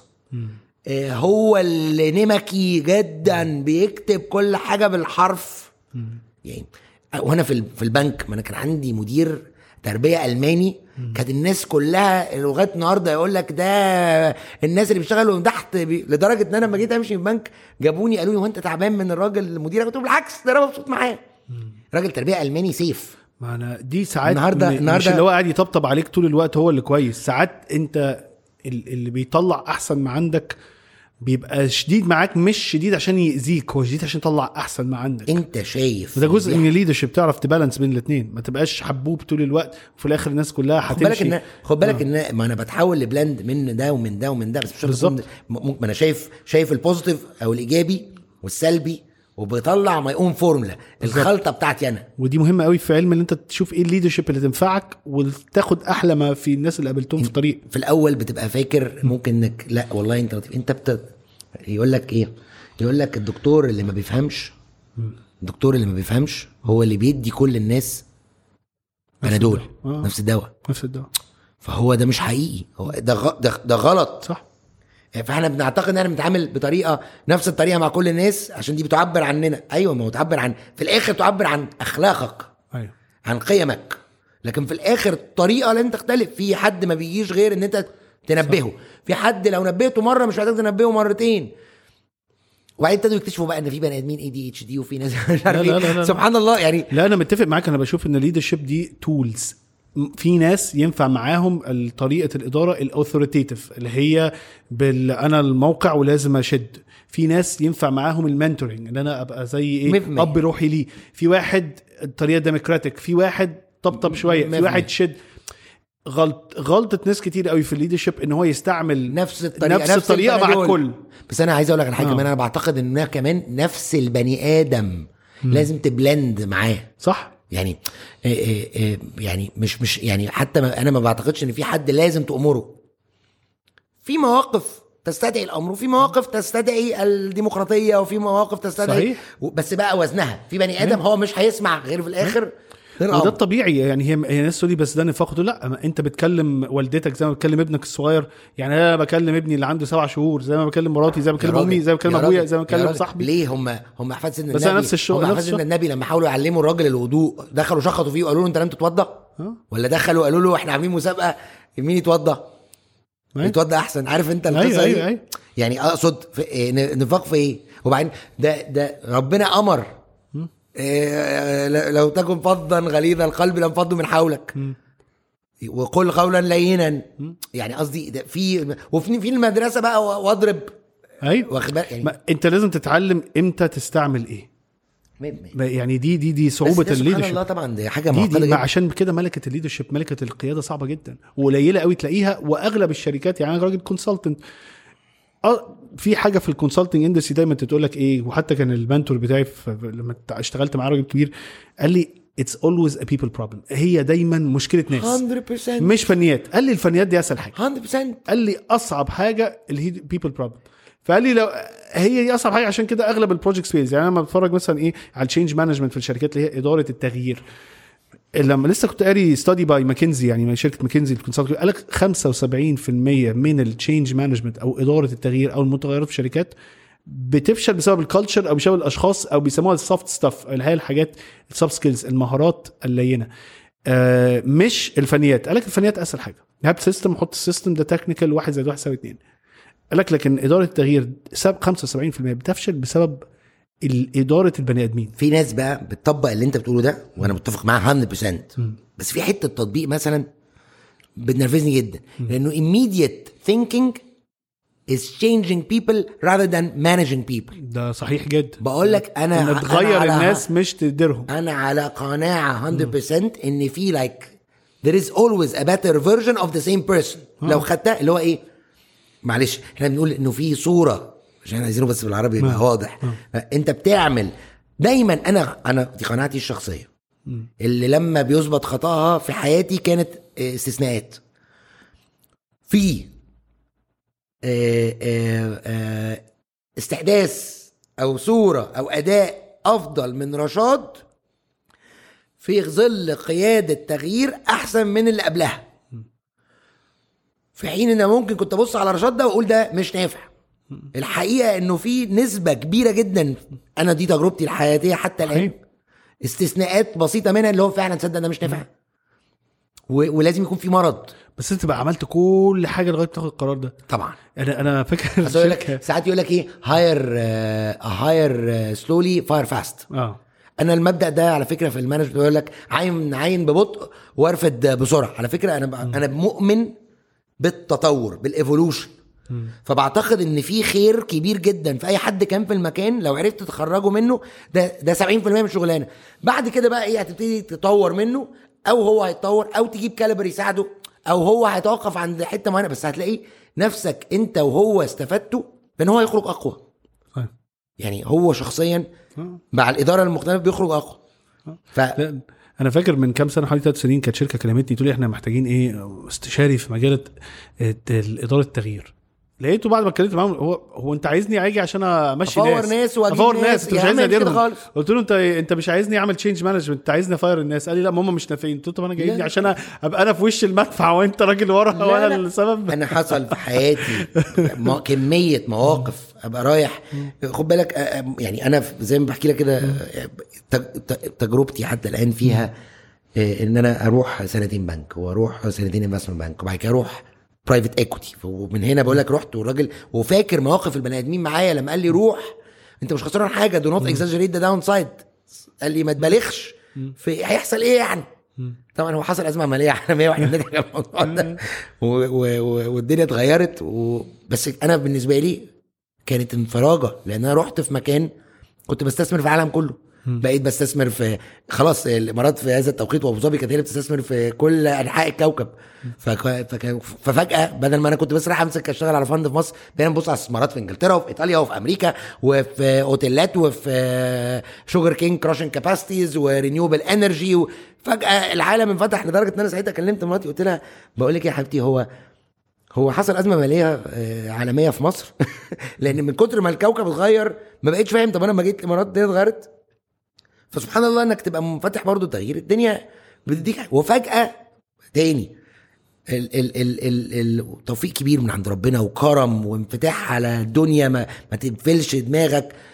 إيه، ربنا كرم من عنده. بقول لك فجأة بدل ما كنت بشتغل على صندوق في مصر الاستثمارات في مصر بقى فجأة صندوق بنستثمر في العالم كله وبنشوف استثمارات في صناديق في كل حتة في الدنيا. وحاجة كانت مبهرة جدا. لدرجة والله أنا أنا فاكر كويس جدا جابوا لي ساعتها case كده حطوه على مكتبي على واحدة من أكبر سلاسل الفنادق في العالم فقالوا لي عايزين ال recommendation بتاعتك توصيتك بالشراء ولا البيع. قلت لهم أنا هعمل توصية دي يعني حاجة وده مبدأ أنت بت stretch أنت بت- بتتمدد وبت cope بس ده يتطلب مجهود مجانيني. صحيح. وما و... ومج... و... وأنا عمري ما بدعي إن أنا أنا أنا بعتقد إن الموضوع يعني دايما يقول لك ال IQ أنا ما بعتقدش قوي إن الموضوع يعني زي ال talent كده ال talent وال IQ versus المجهود أنا متأكد وعلى قناعة إن المجهود ده آه، مجهود ب discipline يعني. consistent. استمرارية آه، آه، ساعات بسميها غباوة. يعني آه. اصرار أنا يعني هفضل كده. أنا هو ساعات هفضل أعمل كده. الاستمرارية محتاج شوية غباوة. هو كده آه، أنا هفضل أعمل كده. وسبحان الله انت محتاج شوية flexibility برضو. آه طبعا طبعا. بس لازم يكون في stamina ما هي الاستمرارية مع المرونة. يعني أنا- حاجة سبحان الله ده balance هي عايزة تظبط. أنا بشوف إن في الحياة النفس الطويل هو اللي بيكسب. ده 100% النفس طويل هو بيكسب. ممكن أقول لك أنا في quote آه. في حياتي مم. آه، من يوم ما ما, ما شفته وأنا بيؤثر فيا تأثير خرافي. تشرشل قال لك success. success نجاح. نجاح. أنت خلينا نترجمه كله. is not final. failure is not fatal. it's the courage to continue what counts. حلو. ترجم بقى. يعني يعني أنت النجاح مش نهائي. صح. انت قاعد معايا تعتقد ان أنا ناجح دلوقتي. أنا في هذا اليوم في هذا التاريخ أنا نجحت وفشلت 100 مرة في نفس اليوم. صحيح. هو ماتش بالنقط. هو مش ماتش. هو هو مش ماتش قاضية. الناس فاكرة لا أنا- كل يوم تحط نقطة أنا جاي لك. النهارده مهزوم وكسبان. صحيح. جايب اجوان وداخل فيا كمية اجوان وفاهم طالع عيني. ف ف success is not final النجاح مش نهائي. مش محطة. مفيش محطة اسمها كان و- و- وال وال وال وال والفشل is not fatal مش قاتل ما متش. الشجاعة إنك تكمل هو ده المهم. هو ده, ده بالظبط. بموت فيك بص الكود ده بالنسبة لي لأن أنا شفت في حياتي أنا راجل محظوظ جدا بالبني آدمين اللي قابلتهم في حياتي. أساتذتي وزمايلي وأصحابي ومعلميني ومفيش حد قابلته في حياتي ما طلعتش بيه. بحاجة فايدة وفي كمية ناس أنا م- يعني أنا ما بعرفش أقول لهم لأن هم لا يتوقعوا إن هم أفادوني هم أفادوني جدا جدا. فعندي رجل مقاتل في البيزنس شفت فيه أيام ابقى مش عارف هو بيصحى إزاي حاجة فتح عينه إزاي يعني. أنت إزاي قدرت تصحى من النوم النهارده؟ أنا لو نايم بالأخبار دي امبارح مش هعرف أصحى النهارده. It's the courage to continue what counts. شجاعة الاستمرار. وسبحان الله تلاقي يحصل. ولما بقول لك تتفرج على كلمة نفس طويل نفس طويل لا وبعدين أحكي لك بقى قصص. الناس بتقعد أنا ب... لما تقعد تقرأ قصة business معين أنا ما ب... ما بعزش قصص ال business أنا بتفرج على بني آدمين. آه. أنا مش محتاج كتب business أنا قدامي في حياتي في أسرتك. من استسلم. في أسرتك من قاتل.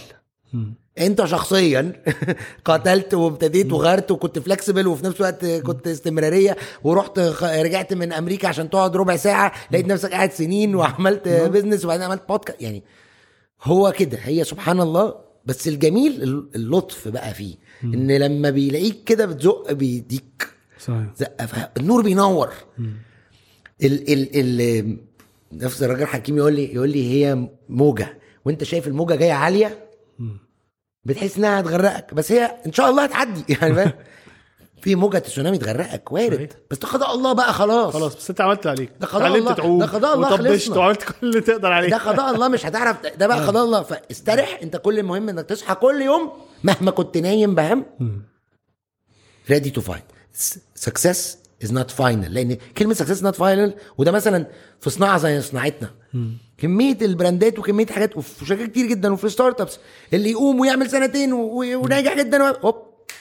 طبعا ال- ال- الفاشن بزنس يعني من أكتر ال business ال- ال- اللي فيه competition وفيه آه يعني فيه منافسة عالية جدا يعني. استمرارية. أنت كام brand لما بنتكلم عن international brands أنت كام brand قدر يبقى international أنت زي ما أنت عارف شانيل ولوي فيتون ومش عارف إيه. أنا ممكن أحكي لك على لستة brand ات كتير. أخضك إن وإحنا صغيرين كنا فاكرينهم وراحوا آه صح صح. فاهم قصدي؟ فيعني طيب، فدي ال... ال- دي ال... دي الجيرني بس أنا دايما بقول لك إيه بخش على مكان يعني يعني أنا أنا كان دوري في وقت من الأوقات إن أنا رحت آه، البرتغال آه، لعملية اعاده هيكلة لشركة من شركاتنا بتاعت ده في الشركة التانية الجديدة. آه. أنت الراجل بعد ما قعدت معاه قال لك لا أنت إزاي؟ و- وقال لك لا روح وسيب الشغلانة. رحت بقى الخليج. رحت رحت. الإمارات وابتديت حصل الإمارات. ازمه المالية وابتديت استثمر في كمية حاجات عم international عمري ما وكان تبع الصندوق اللي أنتوا كنتوا بتديروا آه. الصندوق الاستثماري ده؟ إحنا بس عشان نرجع تاني صندوق للقصة. استثمار آه. مباشر. حلو. اللي هو ال private فكنت انت واحد من اللي بيديروا الصندوق ده. أيوه أنا وصديقي العزيز كلمني من أمريكا وقال لي تعالى نجرب ممكن. تشرح لنا سريعا يعني إيه private equity لا آه، آه، آه، آه، وإيه الفرق بينه مثلا بينه وبين ال venture ال investment- capital يعني أو ال investment لا bank ال investment banking هو عالم من في درجات. consultancy انت حضرتك بت- بتعمل آه. advisory وكمان ساعات بيطلب منك تنفيذها. صحيح. بس ممكن تقف عند ال consultancy فقط. ال investment banking هي عالم من ال advisory الخاص جدا بالأمور المالية.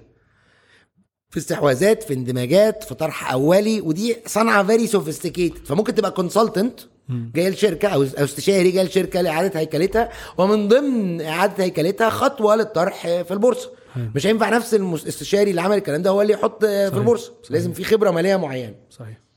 ده ال investment bank ال private equity بقى ده level تاني هو هو هو بقى ده راجل شغلته انت البنك بياخد فلوس من مودعين وبيستثمرها هو بيستثمرها ولا بيحطها قروض؟ بيديها قروض بيسلفها. ال private equity ده هو يا بيدير فلوسه أو فلوس آخرين لاستثمارات فبيخش في شركات عائلية في شركات آه، آه، آه، آه، آه، شركات مؤسسات بنسب محددة. يحط فيها راس مال لتدوير وبهدف إنه مثلا يطرح بقى للبورصة حاجة قبل قبل الطرح ما بعد الطرح طرح تاني آه، زيادة راس مال لتوسعات دولية استحواذات حاجات كده.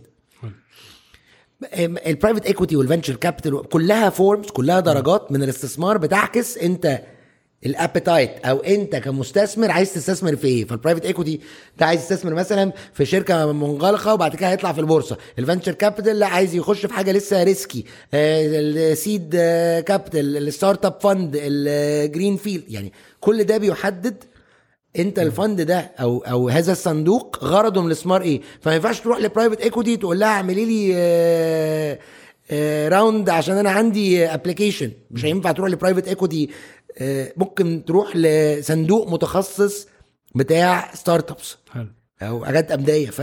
بس دي كلها forms أو درجات من الاستثمار المباشر. الاستثمار المباشر ده بيبقى لها مدير استثمار بيحرك يا إما فلوس wealth family family wealth مثلا أسرة عندها يعني زي أسر ال- ال- العالمية اللي عندها استثمارات فلازم يبقى في مكتب اسمه family office فممكن تكون أنت بتتحرك على family office أو ممكن تكون أو يعني صندوق استثماري بتاع أسرة كبيرة غنية.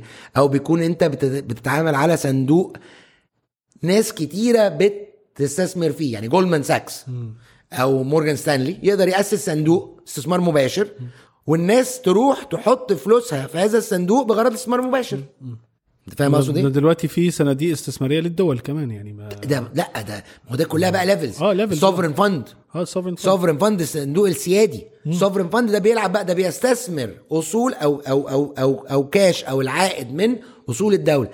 أي صندوق كده لازم يبقى فيه beneficiary مين ال- مين المستفيد منه. ف family office ده عيلة هي المستفيدة.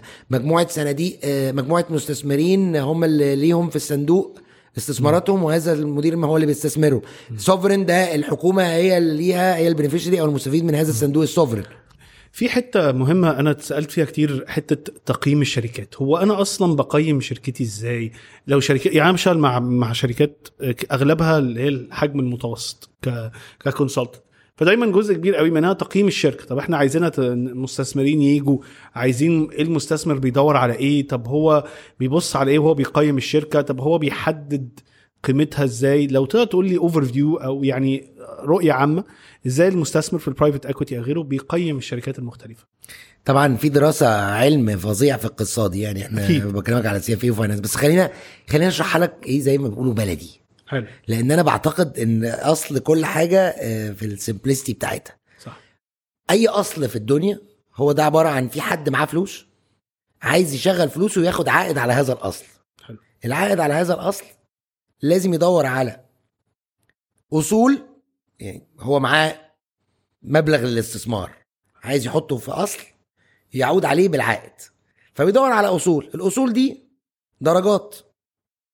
الأصول دي في درجات آمنة ودرجات فيها مستوى مخاطر ومستوى مخاطر أكبر ومستوى مخاطر أكبر ومستوى مخاطر أكبر. لازم يكون اللي قدامه اللي عايز يحط الفلوس هو كمان عنده حاجتين. هو عنده قدرة و و آه، ability willingness قدرة ورغبة. ورغبة. ساعات يبقى عندك القدرة على الاستثمار ولكن ليس لديك الرغبة في الاستثمار. صحيح. فأنا عندي 100 مليون بس ما عنديش رغبة. هنا بقى الرزق مفيش فلوس. هو عندك رغبة؟ وكان يقول لك وإحنا بنذاكر لازم تديله نصيحة. يعني انت بت advise حد؟ ability versus willingness انت لازم تكون بتدي نصيحة. ممكن تلاقي واحد صغير في السن عنده ال ability عنده صغير وارث عنده فلوس الإمكانية. وعنده الإمكانية وما عندوش النية.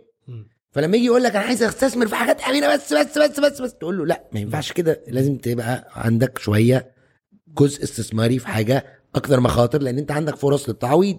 حلو. فتونر أو يعني تفيفر أو أو ترجح كفة للإيه؟ لل... لل... للقدرة. بما أنت عندك. قدرة اللي محتاج تشغل فلوسك والا والا لما تكبر هتروح. صحيح. لو أنت يقول لك مثلا بتأدفايز أو بتعمل است... آه، آه، نصيحة استثمارية لبنشن لصندوق آه، معاشات.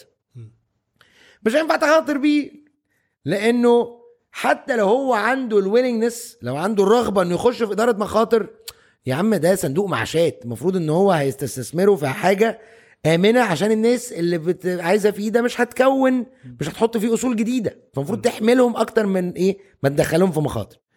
دي عموما فكرة البيع والشراء والاستثمار. أنت ال- إيه القدرة؟ وإيه الرغبة في هذه اللحظة؟ وإيه وجود الأصول ودرجات المخاطر بتاعتها وازاي تماتش بقى. لازم تجيب ال- المستثمر اللي عنده القدرة والرغبة في استثمارات عالية المخاطر وتجيب له استثمار عالي المخاطر. لو انت بقى صاحب الأصل اللي عايز فيه استثمار لازم تبص عليه. اولا أنت مستهدف أنهي صندوق؟ أو أنت مستهدف أنهي نوع مستثمر.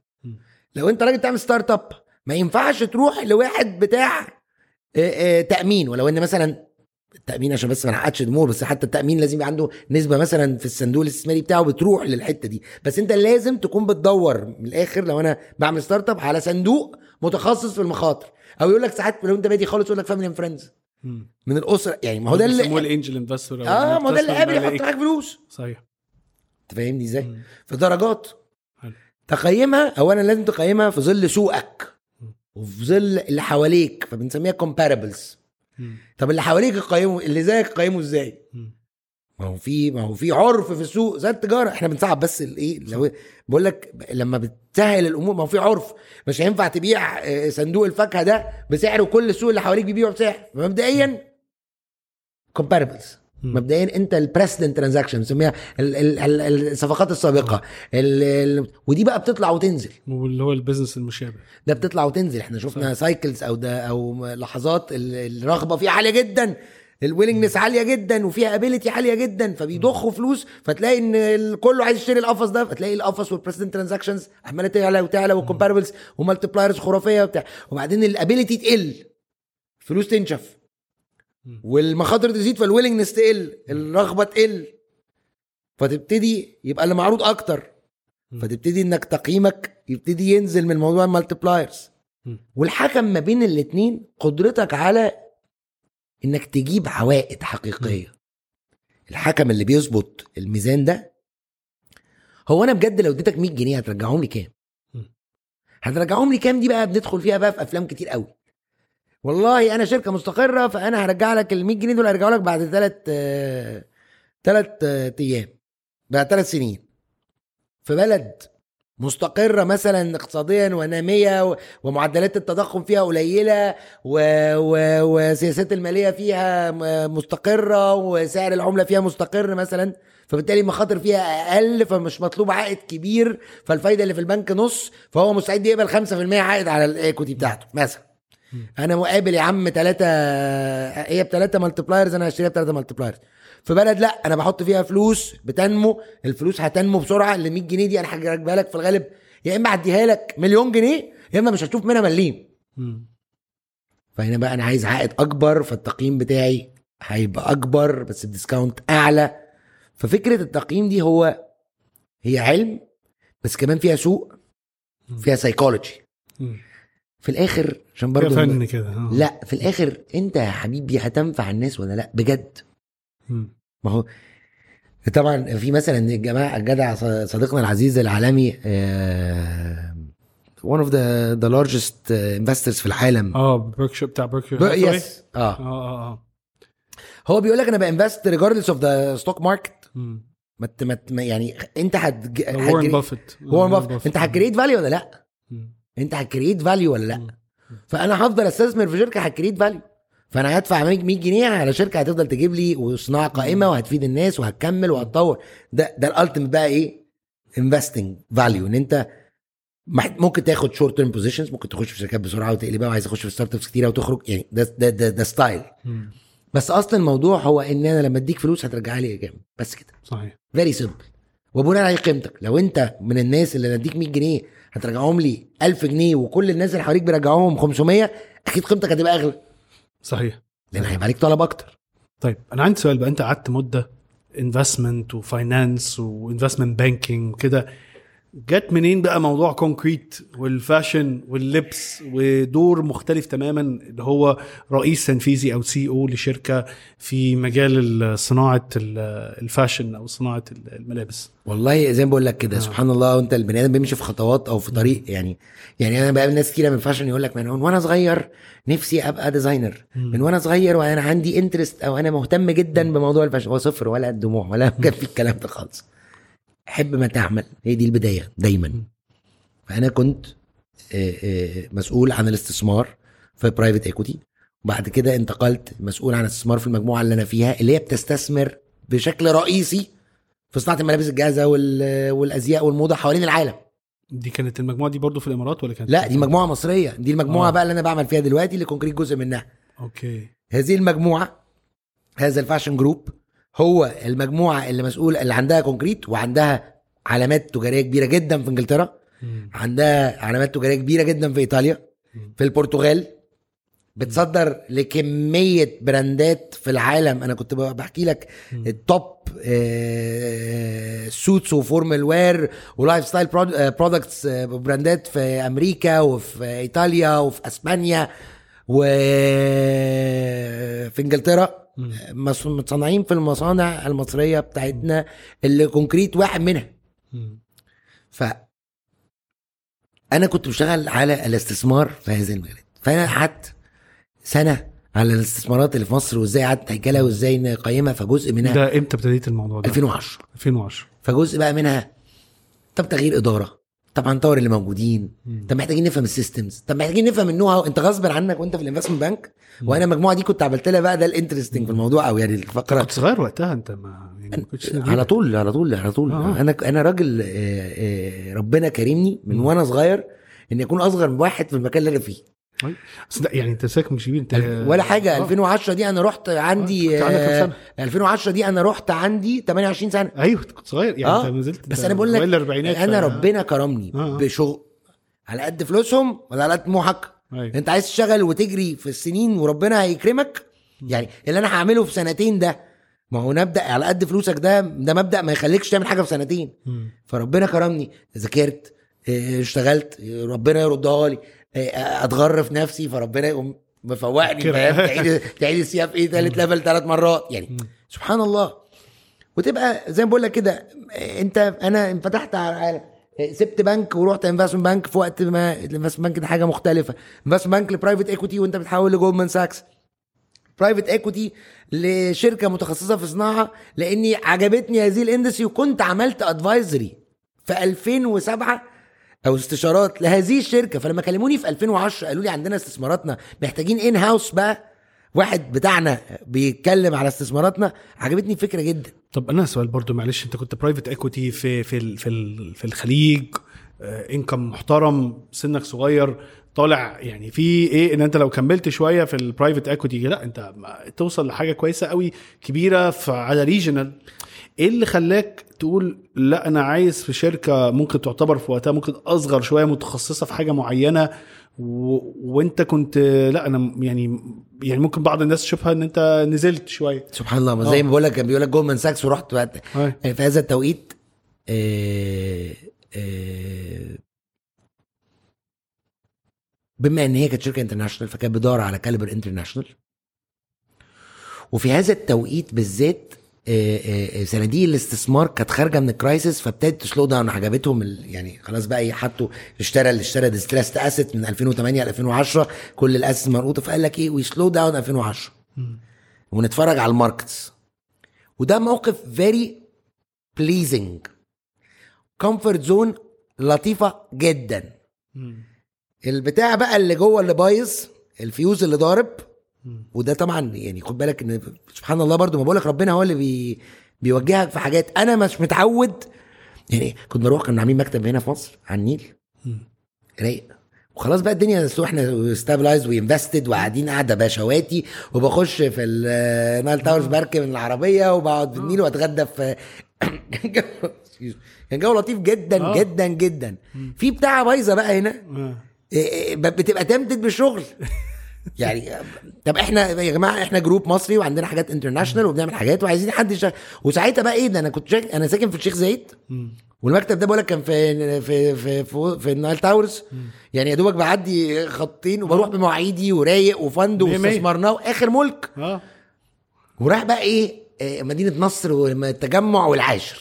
آه. فرهدة برضه مفيش فايدة. بالك فرهدة آه آه. أقول لك إيه ما- يعني النهارده وأنت بتقول لي آه، أنا ساعتها كانت very clear in my mind آه كانت واضحة في كانت في دماغي أنا أنا أنا ما- مش أنا ما- يعني حلو. طب ناخد بقى يلا نلعب بقى الماتش اللي بعده. كملت قعدت آه. على فكرة هو الثورة حصلت في 2011 والصندوق قفل استثماراته في مصر ساعتها. آه. فسبحان الله تاني ما هو أنا بقول لك أنا ممكن أحكي لك حكايات على أنا سبت وجولمان ساكس مشي. آه. رحت المكان حصل كرايسيس اخضار. اخضار ون- و- و- وأنت بتبقى قد إيه أنت عايز ت... بس أنا برسوت أو يعني أنا ب- بجري ورا. تحقيق شيء كل يوم مش عايز مش مسألة إن أنا عايز أرتكن ل- ل- اللي موجود وخلاص اتس كومفورت زون أو منطقة و... و... وحتى الآن ساعدتني في التوصل لمناطق كتيرة أبعد في سن وفي توقيت وفي حاجات كتير جدا. بقول لك أنا بعتقد إنه ربنا حباني بكرمه إنه قابلت ناس شجعوني أو ضغطوا عليا أو حطوني under pressure أو تحدوني أو حسسوني إن أنا محتاجه مجهود مختلف. ما هو أنا زي اللي قال لي أنت بتاعت الأذكياء. يعني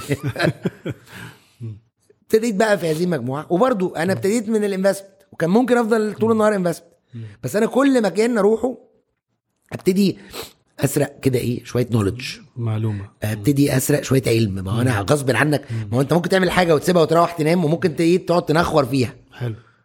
فأنا أقعد أنخور فابتديت أفهم القصة فابتديت أفهم أدعي إن أنا بقيت بفهم فيها ابتديت تفهم. ال fashion أو الأزياء وكده بالذات. آه. وخدتها بقى قعدنا سنة برتغال.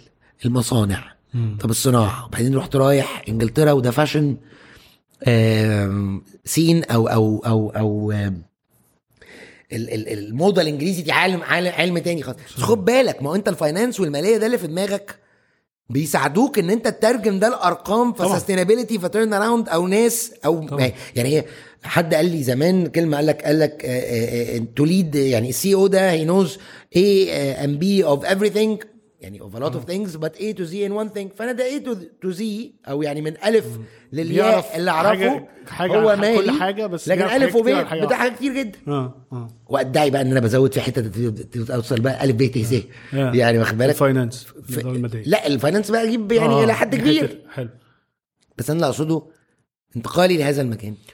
وأنت برضو بتنخور ولا أنت على قد فلوسهم؟ ما هي كل حكاية من الحكايات دي لو فيها مبدأ على قد فلوسهم اللطيف إنك يجيلك عائد أكبر مالي أو معنوي الاثنين والمعنوي يجيب لك مالي والمالي يجيب لك معنوي.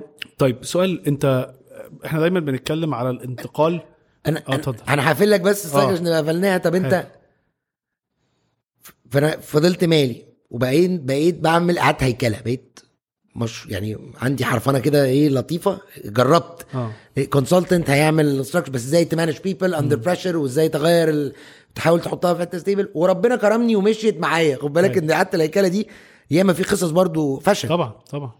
فعملت إعادة هيكله مرة واثنين والثالثه في وسط إعادة الهيكلة آه، آه، عرفت ناس وقابلت ناس وبنيت شبكة من ال... من الناس والفهم من ال industry فجيت في 2016 رجعت بقى من إيطاليا. كنا عندنا fashion house كبير في إيطاليا. وعملناه وطورناه وبعناه وعملنا عليه عوائد ورجعت مصر. لسه أنا بتاع الاستثمار بس خلاص شبت فجأة المجموعه مجلس إدارة قال لي يا جماعة أنت يا جدع أنت أنت راجل شفت لفيت وصغير وعندك طاقة وعندنا brand عظيم جدا اسمه Concrete في مصر. طول عمره الرائد في المجال. والست اللي كانت بتقوده ست عظيمة ربنا يديها صحة يا رئيس مجلس إدارة غير تنفيذي. ست وقفت ال brand على رجليه لمدة 20 سنة. بس هي اللي قالت وبص بقى الجمال لما تقابل بني آدمين. قالت لك بس ال brand مفيش brand بيكمل كده. لازم دم جديد. لازم تفضل relevant ودي قصة اللي كنت بحكي لك وأنا بنتكلم بره على فكرة ال brand ات ال long term إزاي Chanel يفضل Chanel وال Louis Vuitton يفضل Louis Vuitton و Zegna يفضل Zegna. و brand ات تانية تقع زي Façonnable يبقى كان قديم وقت أهالينا ومش عارف Pierre Cardin كان هو هو كان حاجة ودلوقتي فاهم قصدي؟ مش luxury يعني. فهي الست دي اللي قالت أنا محتاجة أنا محتاجة succession أنا محتاجة حد تاني يجي. يكون عنده modern thinking relevance شاف بقى بقية ال trends اللي في العالم. وهي الست دي اللي قررت أنا عايز أعمل كده. ومجلس إدارة ادعمها وجات 2016 آخر 2016 2017 ابتديت أدخل. أنا يعني أنا فخور جدا إن أنا تقريبا ما غيرتش حد خالص في الشركة. أنا اشتغلت مع نفس ال teams اللي موجودة. زملائي الأعزاء اللي هم فعلا بروح وقيادة المكان بس ب direction جديد. يعني إحنا كنا بنلعب اتنين آه، أربعة تلاتة أربعة مثلا بقينا لا تعالوا نلعب آه، أربعة اتنين أربعة. يعني طريقة لعب مختلفة هجومية لازم هتهاجم. دايما بتكلم طبعا يعني الله يرحمه ويحسن إليك كابتن الجوهري وربنا يديله الصحة كابتن حسن شحاتة. كابتن جوهري كان عنده إدارة وكابتن حسن شحاتة عنده إدارة. التوقيت فيه ما ينفعش تطبق نفس في وقت محتاج تطبق نظرية الجوهري وفي وقت محتاج تطبق نظرية شحاتة. يعني بس اللعيبة اللي موجودة تقدر دايما تطلع منها. فأنا كنت فخور جدا إن أنا بشتغل مع team عنده بقى ال know how عشان بقول لك فكرة إن إيه يلا نجدد. فاهم؟ شفت كمية شركات في حياتي يلا نجدد فجبنا خواجة أو يلا نجدد فجبنا آه، آه، آه، العالم النووي آه، ففرتك الشركة ومشي. فاهم؟ evolution تطور versus revolution ثورة. التطور بياخد الحلو من القديم ويجدده ويبتدي يقلل. فتبني. ال- الثورة هتهد حلو ووحش. طب تعالى خد بقى تعالى خد الحلو. فأنا فخور جدا إن اللي حصل في Concrete ده هو evolution طبيعية وزيه زي كل ال fashion houses في العالم اللي استمرت الحمد لله عبر السنين. اولا إدارة محترفة إحنا ما عندناش إدارة عائلات في في ال- في المجموعة كلها. دي كانت من الحاجات اللي شدتني للقصة إنه قد إيه الإدارة محترفة الإدارة كلها آه، آه، مربوط ب KPIs أنت بت deliver ده أو أنت باهداف باهداف مرجوة أهداف محققة العائد بتاعك. بيخلي فيه دايما في استمرارية. فصل فكرة الملكية عن الإدارة وبالتالي إن أنت دايما بتجيب كفاءات في كل مكان واللي مش بي deliver أو مش بيحقق الأهداف بتستبدله بحد بيحقق الأهداف. وأنا شفت يعني إيه شركات في إيطاليا وفي إنجلترا تكون آه، تدار بفكر العائلة فقط. يعني في ال ال ال ال ال عشان تشوف حاجة لازم يبقى في تعاون وظروف مهيئة من حاجات كتير جدا. بس أنا بقول لك Concrete definitely هو النهارده زي ما كان. هو up to date مع ال international brands أو هو معاصر و modern as the international brands اللي موجودة زيه في إيطاليا في إسبانيا قولا واحدا. حلو. ال designer بتاعك أنت بتجيب designs بتعمل Italian designs ال designer بتاعنا إيطالي Italian طول عمره Ettore Veronesi Ettore Veronesi ده ال designer بتاعنا. بس لازم آخده وكمان adapt على my إيه culture على my styles و my. my culture فباخد الحتة ال international وإزاي؟ تأيفها على ال لا ما أنا بقى إيه؟ ما أنا كنت لسه هقول لك من غير ما أبوظها. أيوه. ما هو ساعات يقول لك حط ال touch بتاعي فاهم؟ أيوة. ما- هنا بقى إحنا لا إحنا مش مش كده. مش touch دي blend دي flavor حلو. إزاي تجيب منتجات أنت عارف كويس قوي إنها بتقدر بتقدر في العالم ال Egyptian organic cotton ده بيتقدر في العالم كله. مفيش النهارده retail chain بت- بتعمله بهذا الشكل زي ما بنعمله في مصر. فانت هتلاقي تخش مصر تلاقي اصحابك خواجات هيخشوا يشتروا retail Egyptian organic cotton product ده حاجة بالنسبة لهم مش موجودة بيشتريه في مصر بره بسعر خرافي. وهكذا.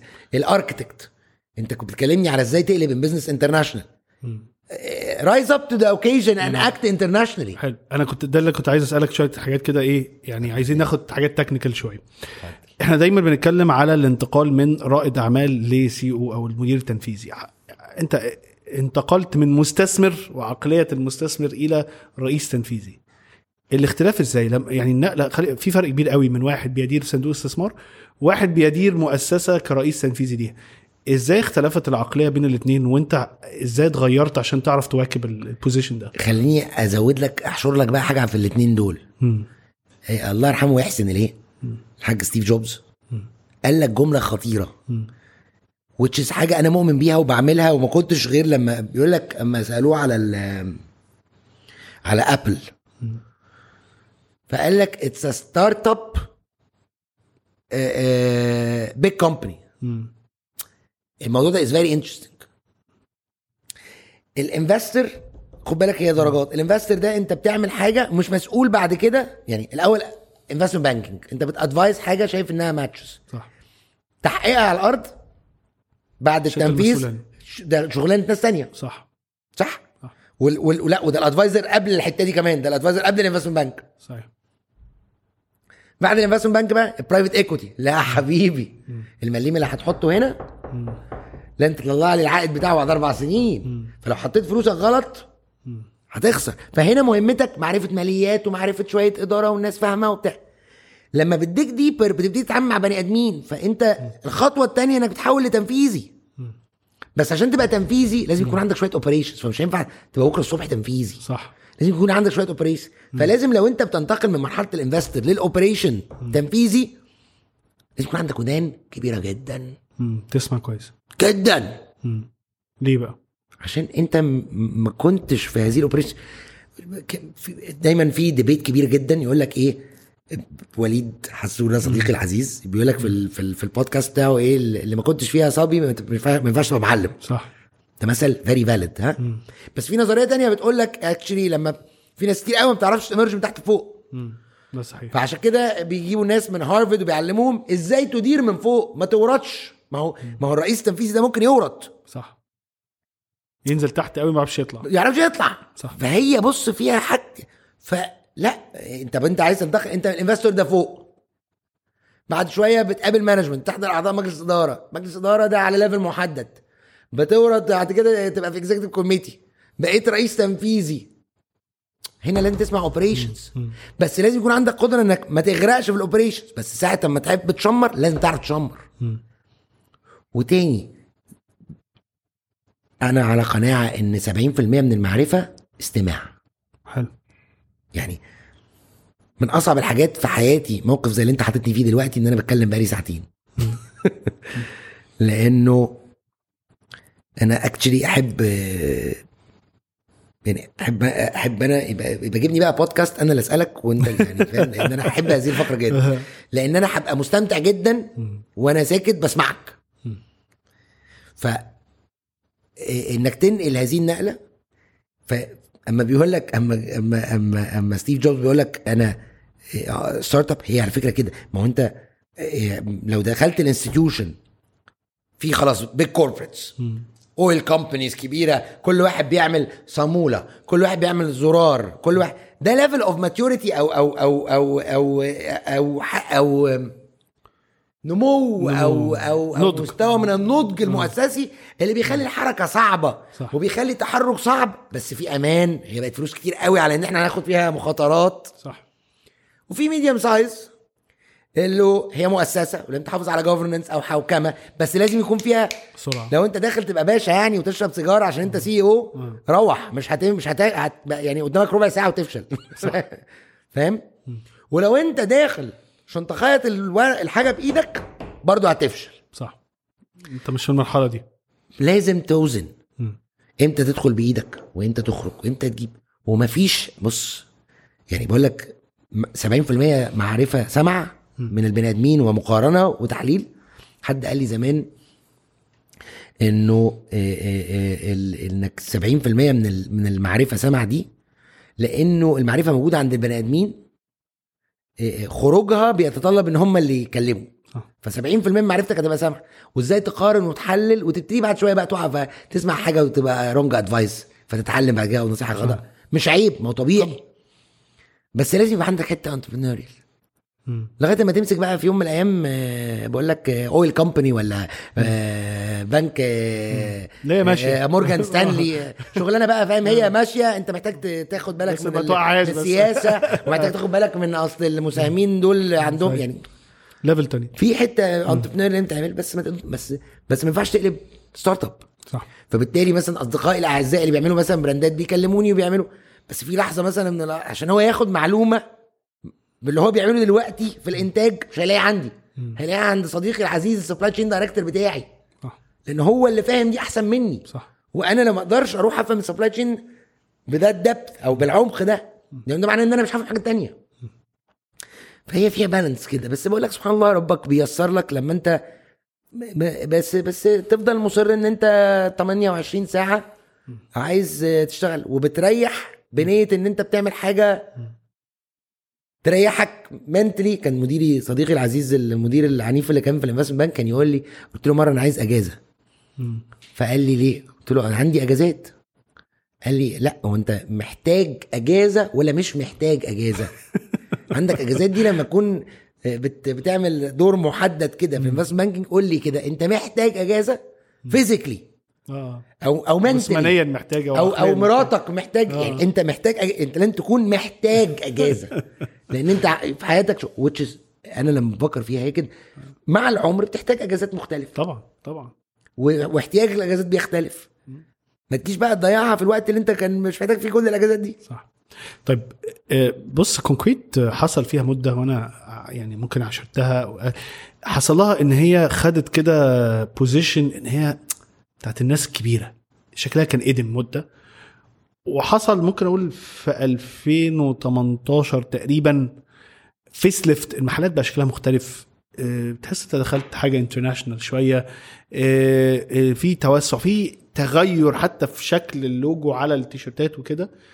آه، والهدوم يعني اختلف. ناس كتيرة بتقول لي آه، إزاي أنتوا عملتوا الموضوع ده؟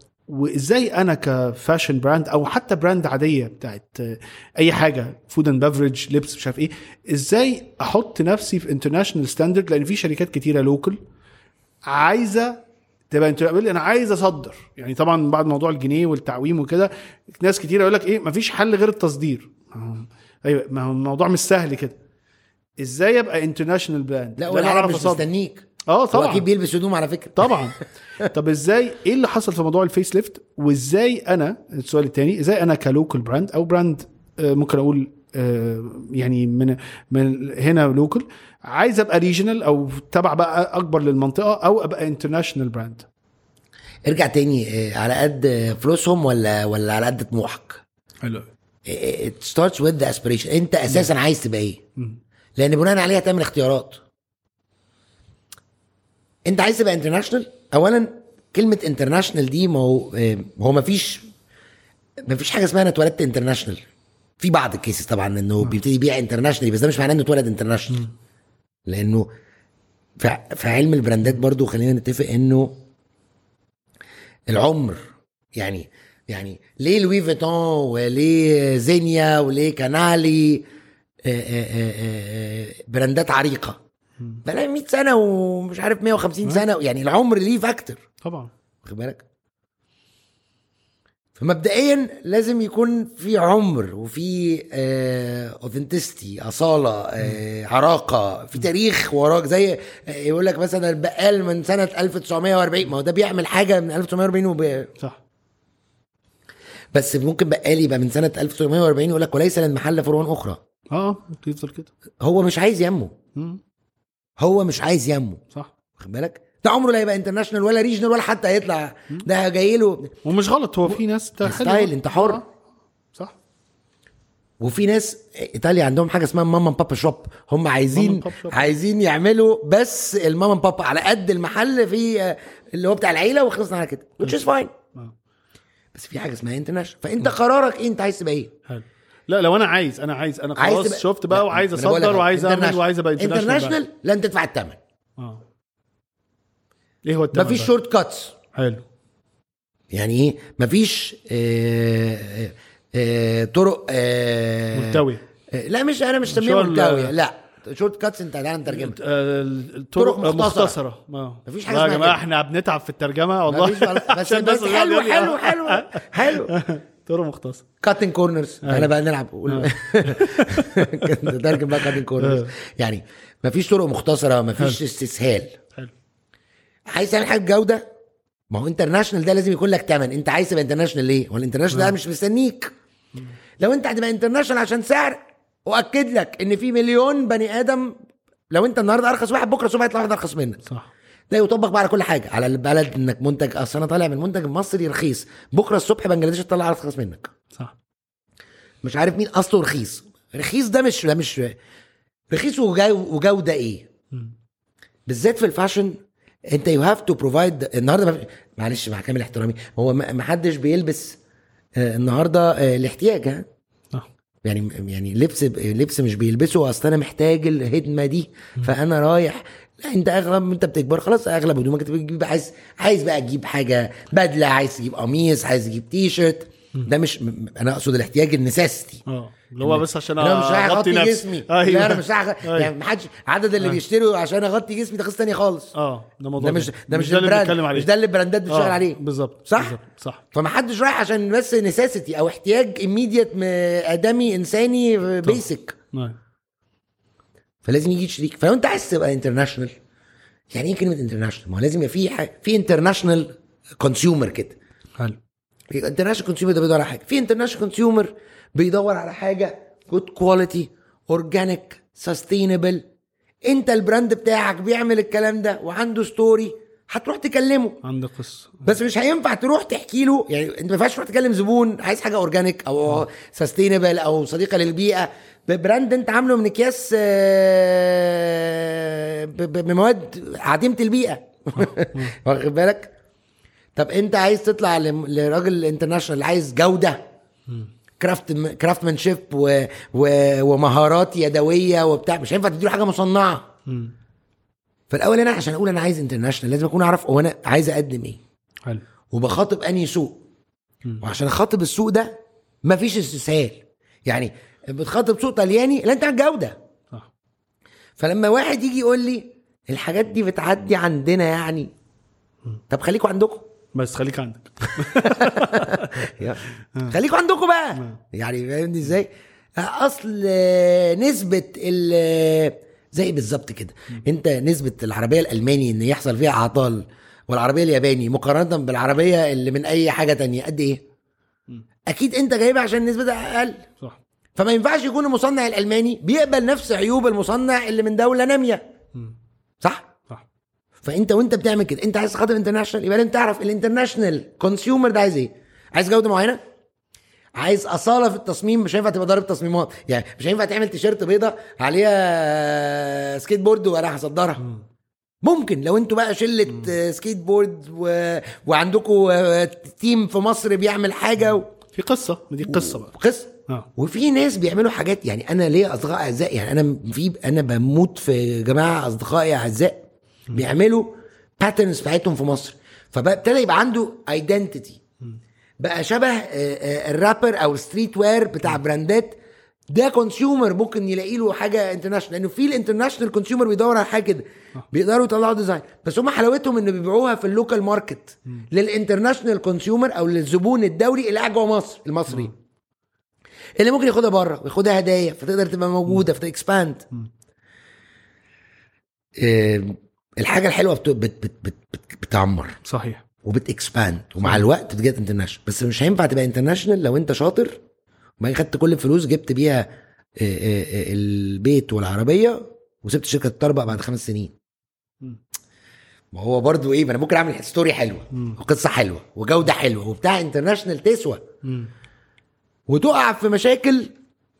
البراندات دي بالذات مش مصر ده الكوكب. إحنا أنت أنت كل يوم في الكوكب بره بتلاقي brand بيطلع خمس سنين وبعد كده يموت. صح. أو يريح أو البراندات اللي كملت أو طلعت international دي كان في consistency. في استمرارية. أو استمرارية. فأنت لو أنت بتعمل brand بتعمله ب international وب quality ودولي ونجحت. قويت الصناعة ولا ما قويتهاش؟ ما هي أصل الناس كتيرة فاهمة إن الصنعة دي عبارة عن إيه؟ آه، آه، يلا نفن. هي مش فن بس. أنا أنا برضو دي الحتة مهمة لأن مثلا في ناس كتيرة مع الأحداث اللي بتحصل حوالين العالم والمنطقة العربية وفلسطين وغيره وغيره في ناس بقت تقول لك إيه لأ إحنا عايزين نشتري من local brands ونقاطع كذا ونشتري local brands وكده. وده أنا شايفه كويس بالعكس يعني بت- بتساعد صناعات يعني local أو regional أو كده. بس في مشكلة أنا شايف إن هو ممكن تكون ترند وإن الشركات دي تلاقي push في ال sales عندها مرة واحدة عالية يعني تلاقي نسبة مبيعات كبرت بس مش عايز يطور من نفسه مش عايز كذا مش عايز كذا. فممكن الناس بعد كده هتقول لك هتجربك مرة هتديك فرصة بس مش هتعرف تكمل معاك لو انت فضلت كده وم- ومش عشان انت صناعة وطنية هيكمل معاك. انت عارف في الآخر هو عايز انت جوده عارف دي عاملة زي الواسطة. آه. بغض النظر عن الحدث نفسه آه. في أحداث اقتصادية وسياسية وحاجات كتيرة بتكون بت... بتخلق واسطة. فرصه ليك إن أنت تتقدم إلى المكان ده. خلاص؟ خلقت لك الفرصه لو مش كويس هتمشي منه. هي الواسطة دخلتك بس الانترفيو. ف لو أنت مش بتطور من منتجك وهو فعلا عالمي جالك بقى آه، عالمي بمعنى إن هو آه، جودة. يرتقي أو يرتقي لل- يرتقي للستاندردز اللي انت العالم. بتحاول آه. ما- لو انت بقى عايز تكمبيت آه. وعايز تعمل حاجة انت محتاج ت- ت- ت- ترتفع انت كمان ترتقي بمستواك أيوة.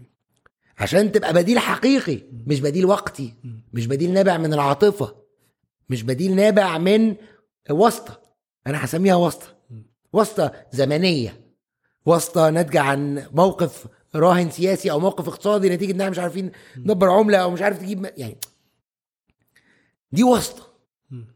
أنت ال... أنت حقيقتك إيه بقى؟ هتستغل الواسطة. وبسرعة بسرعة. تابجريد فلما الأزمة الراهنة أو الظرف الاقتصادي الراهن يعدي ويصبح الناس تفقد العاطفة أو ممكن تتمسك بالعاطفة وتتمسك بيك. بس أنت هتكون فين بقى؟ هل انت هترتقي لهذه التطلعات؟ فلما تهدى العاطفة أو يهدى الظرف الاقتصادي أو يتغير اللي هو الز... الحاجة المؤقتة اللي حاصلة اللي اديتك الويندو سواء كملت أو ما كملتش. لو خرجت منها هتبقى باختياري؟ ولا لما يجي لي اختيار تاني؟ لا والله انت جودتك وحشة أنا مش عايزك. فانا بعتقد إن دي بتبقى أكيد فرصة للصناعة المحلية أكيد فرصة في كل الصناعات في كل مش بس دي. إيه إيه على فكرة لما بنتكلم على تعويم وبنتكلم على الحاجات دي أنا قناعتي الشخصية إن ده تسعير حقيقي ودعم حقيقي للصناعة مش عشان إن أنت ما بتجيبش حاجات من بره بس عشان لما تجيب الحاجات من بره هتجيبها بسعرها الحقيقي لأن العملة بقت بتعكس قيمتها الحقيقية. تمام. وبالتالي ما هي دايرة. لما أنت العملة بتبين قيمتها الحقيقية. بقى المصنع المصري كمان عنده فرصة إنه يرتقي بمنتجه. هو راجل بيعمل مشروب آه، بديل لمشروب دولي. هو ليه مش زي مش زي حلاوة المشروب الدولي؟ برضه عشان نعيد. حتى لو هو عايز يبقى حلاوة المشروب الدولي. لأن الراجل بتاع المشروب الدولي ده بيدخله مصر. باسعار أرخص بكتير قوي. عنده سكيل عنده حجم كبير على الكوكب بيجيب ال... لما المشروب ده يجي أغلى فالراجل اللي هنا يبتدي يبقى عنده فرصة إنه يجيب ماتيريال أغلى وبرضه يبقى أرخص من المستورد. هيرقي نفسه. صح. لو هو عايز. لو هو عايز. ناس كتيرة حاولت فقدت الأمل. ناس كتيرة الظروف برضو ما ساعدتهاش. بس في ناس كتيرة استسهلت. يعني يعني أنت حتى لما تتكلم حاجة مثلا بتضايقني جدا من أصدقائي الأعزاء آه، زمايلي الأعزاء لما يجوا يكلموني يقولوا لي أنا عايز أعمل حاجة. good quality at low price يا حبيبي ما هو ده حلم الكوكب. low price بالنسبة لإيه؟ يعني إيه low سعر price رخيص بالنسبة لإيه؟ لا low price فأنت تخسر فما تكملش. آه ما أو ما تعرفش تلاقي نفسك. أيوة. أو تبقى good quality at loss أو يعني بتخسر أنت عامل quality حلوة وبتخسر أو بعد شوية مش هتلاقي فلوس. ما الناس يقول لك إيه؟ أنت بتعمل دي بتكلفة آه، جنيه بتكسب بتبيعها بجنيه وربع. ليه بتكسب الربع؟ بتكسب جنيه و10 صاغ ما هو أنت محتاج ربع مش 10 صاغ مش عشان بس. تجيب البضاعة الجديدة. لا عشان تجيب قطعتين كمان بدل قطعة وأكبر صحيح. وأنمي وأعمل يعني وتطور. فأول ما بتحط نفسك أنا عايز ده ده مش معناه إنك ما تعملش حاجة good quality at reasonable prices. أو أو أو أو جوده كويسة بسعر عادي. بس ما تفكرش أنا عايز أقدم ارخص في فكر ده يقول لك مثلا أنا عايز مصر بلد لو اديتها منتج رخيص هتكسب. مش حقيقي. مش هي مش حقيقي خالص. لأنه كل يوم هيطلع منتج ارخص من حتة من source بديل. مش هتخلص. واللي عايز منتج رخيص هيدور على السعر مش هيدور يعني أنا عايز أشتري مش بدله هدور على brand مش أنا عايز هدور- أشتري بدلة ب 500 جنيه. بس. خلاص؟ بدلتك بقت ب 1000 جنيه هروح أدور على حد تاني مش ب 500 آه. ومش هتخلص. فاهم أقصد إيه؟ أيوة. فيا جماعة دوروا على ال value الحقيقية بتاعتكم. ال short term ولا ال long term طيب آه أنا عارف أنت كله صدع. أنت الناس كلها صدعت، لا لا صح؟ أنت متزوج صح آه، متزوج وعندك أولاد عندك آه، عندي ولدين. ما شاء الله. آه مراتي نهى وعندي ولد اسمه هشام. وولد اسمه مراد. آه 15 سنة ماشي في 16 والتاني 9 ماشي في 10 آه، ما شاء الله. طيب أنت كلمتني عن حاجات أنت بتسافر كتير investment آه يعني مش موجود كتير في سفر في علاقات. ال position بتاعك بياخد منك وقت طويل. يعني الموضوع يا جماعة اللي عايز يبقى COO عايز يبقى مدير تنفيذي أو رئيس تنفيذي أنت مش هتشتغل من 9 ل 3 وتروح البيت. يعني ما, ما مش تحصل ف بقى تبقى مملوكي آه آه يعني مش هتحصل. وسفر كتير وكده. إزاي بتحاول توازن بين حياتك الشخصية وحياتك العملية؟ طبعا حاجة في منتهى الصعوبة وموضوع التوازن ده موضوع كمان لازم نديفاينه. لازم يعني نشرحه. يعني إيه؟ يعني إيه توازن؟ حلو. يعني ما هو أكيد أكيد لو كنت بشتغل شغلانة أهدى من كده فكان عيالي هيبقى عندهم وقت ومراتي أكتر بكتير من اللي أنا قعدت معاهم في في, في, في 15 سنة بتوع ابني الكبير ده مثلا. صح. وأكيد كان هيبقى آم في حاجات هتسعده في أوقات أكتر وكان في أوقات مهمة جدا ما كنتش فيها لا مع مراتي ولا مع ولادي فيها. صح؟ التضحية. بخ- بص خلينا إيه عشان بس من أنا مش هكبر ولا هنتكلم في تضحية ولا هنتكلم. بس دي الحقيقة. صحيح. الست دي والولاد دول اتحطوا في مواقف وأنا ما كنتش موجود. صح. بس البديل ليها إن في أوقات تانية أنا كنت موجود بدور وبعلم وب وبإس... ب... بإفادة وب... وبفكر مختلف خالص عن لو كنت نفس الشخص اللي كان قاعد جنبه وبيروح. في طريقة تفكير في طريقة علم في طريقة آه تطوير. يعني هل أنا النهاردة لما بكلمه على علم وسفر وباخده أسفره معايا هل هو بيشوف نفس ال experience اللي لو أو الخبرات اللي لو أنا كنتش لفيت ورحت واتعلمتها كان هيشوفها؟ فبياخد حاجة تانية. هل النهارده أنا النهارده آه آه، عندي وقت ومضغوط بس يوم ما بحتاج آخد أربع خمس أيام؟ أنا هاخد أربع خمس أيام في التوقيت اللي أنا شايفه مناسب ليا. فعندي القدرة على ترتيب حياتي بشكل أفضل بعد كده. عن مكان وأنا أصغر. في حين إن أنا لو كنت دايما هفضل في مثلا في في خلينا نقول في medium level position أو في حتة تانية مختلفة فأنا كنت نفس درجة سيطرتي على أجازاتي مثلا وتوقيتي. يعني أعتقد إن فيها اختيار بيبقى آه، زي ما بتتعب قدام في الموضوع ده بيبقى عندك وقت أكتر تقدر تمانجه أو تتحكم في وقتك بشكل أفضل قدام. فدي واحد. بعتقد إنه دايما إنه ال- إنه إنك لما تكبر تعرف تتحكم في وقتك أكتر من ما كنت أصغر مهم جدا. وبعتقد إن ده بيتحقق. في نفس الوقت زي ما بقول لك إحنا عايزين نصيغ هو إيه المنفعة. يعني ان أنا اقعد جنبه آه، العب PlayStation دي منفعة؟ ما اعتقدش ان دي كانت هتبقى المنفعة. ممكن يستمتع بيها بس مش شرط تكون دي المنفعة. بس اللي أنا متأكد منه انه النهارده لو احتاجني في مواقف بقى اكبر سنا واعمق هكون أكيد أكثر افادة ليه. أتمنى يعني طبعا هو نعم. هو حر يشوف اللي هو عايزه بس أقصد إن أعتقد إن أنا هكون راكمت خبرات تسمح لي إن أدير معاه حوار وأديله من من شوية اكسبيرينس ونولج مختلفة خالص عن لو كنت شخص كان هيديله وقت أفضل مثلا وتعرف أو- تفتح له أبواب أكتر. في نفس الوقت بقى أنا عندي نفس الداء بتاع إيه إيه إيه إيه أنا بعمل حاجة إزاي يعني؟ فأنا في بيتنا لو قليل فأنا بعمله بالظبط زي الشغل يعني. يعني very quality يعني يعني حتى لو وقت قليل انه مليان أقل. على آخره. حلو. ما بكسلش فيه. يعني مفيش حاجة اسمها أنا مرمي على ظهري كده إيه أصل مش هعمل حاجة. حلو. صعب جدا.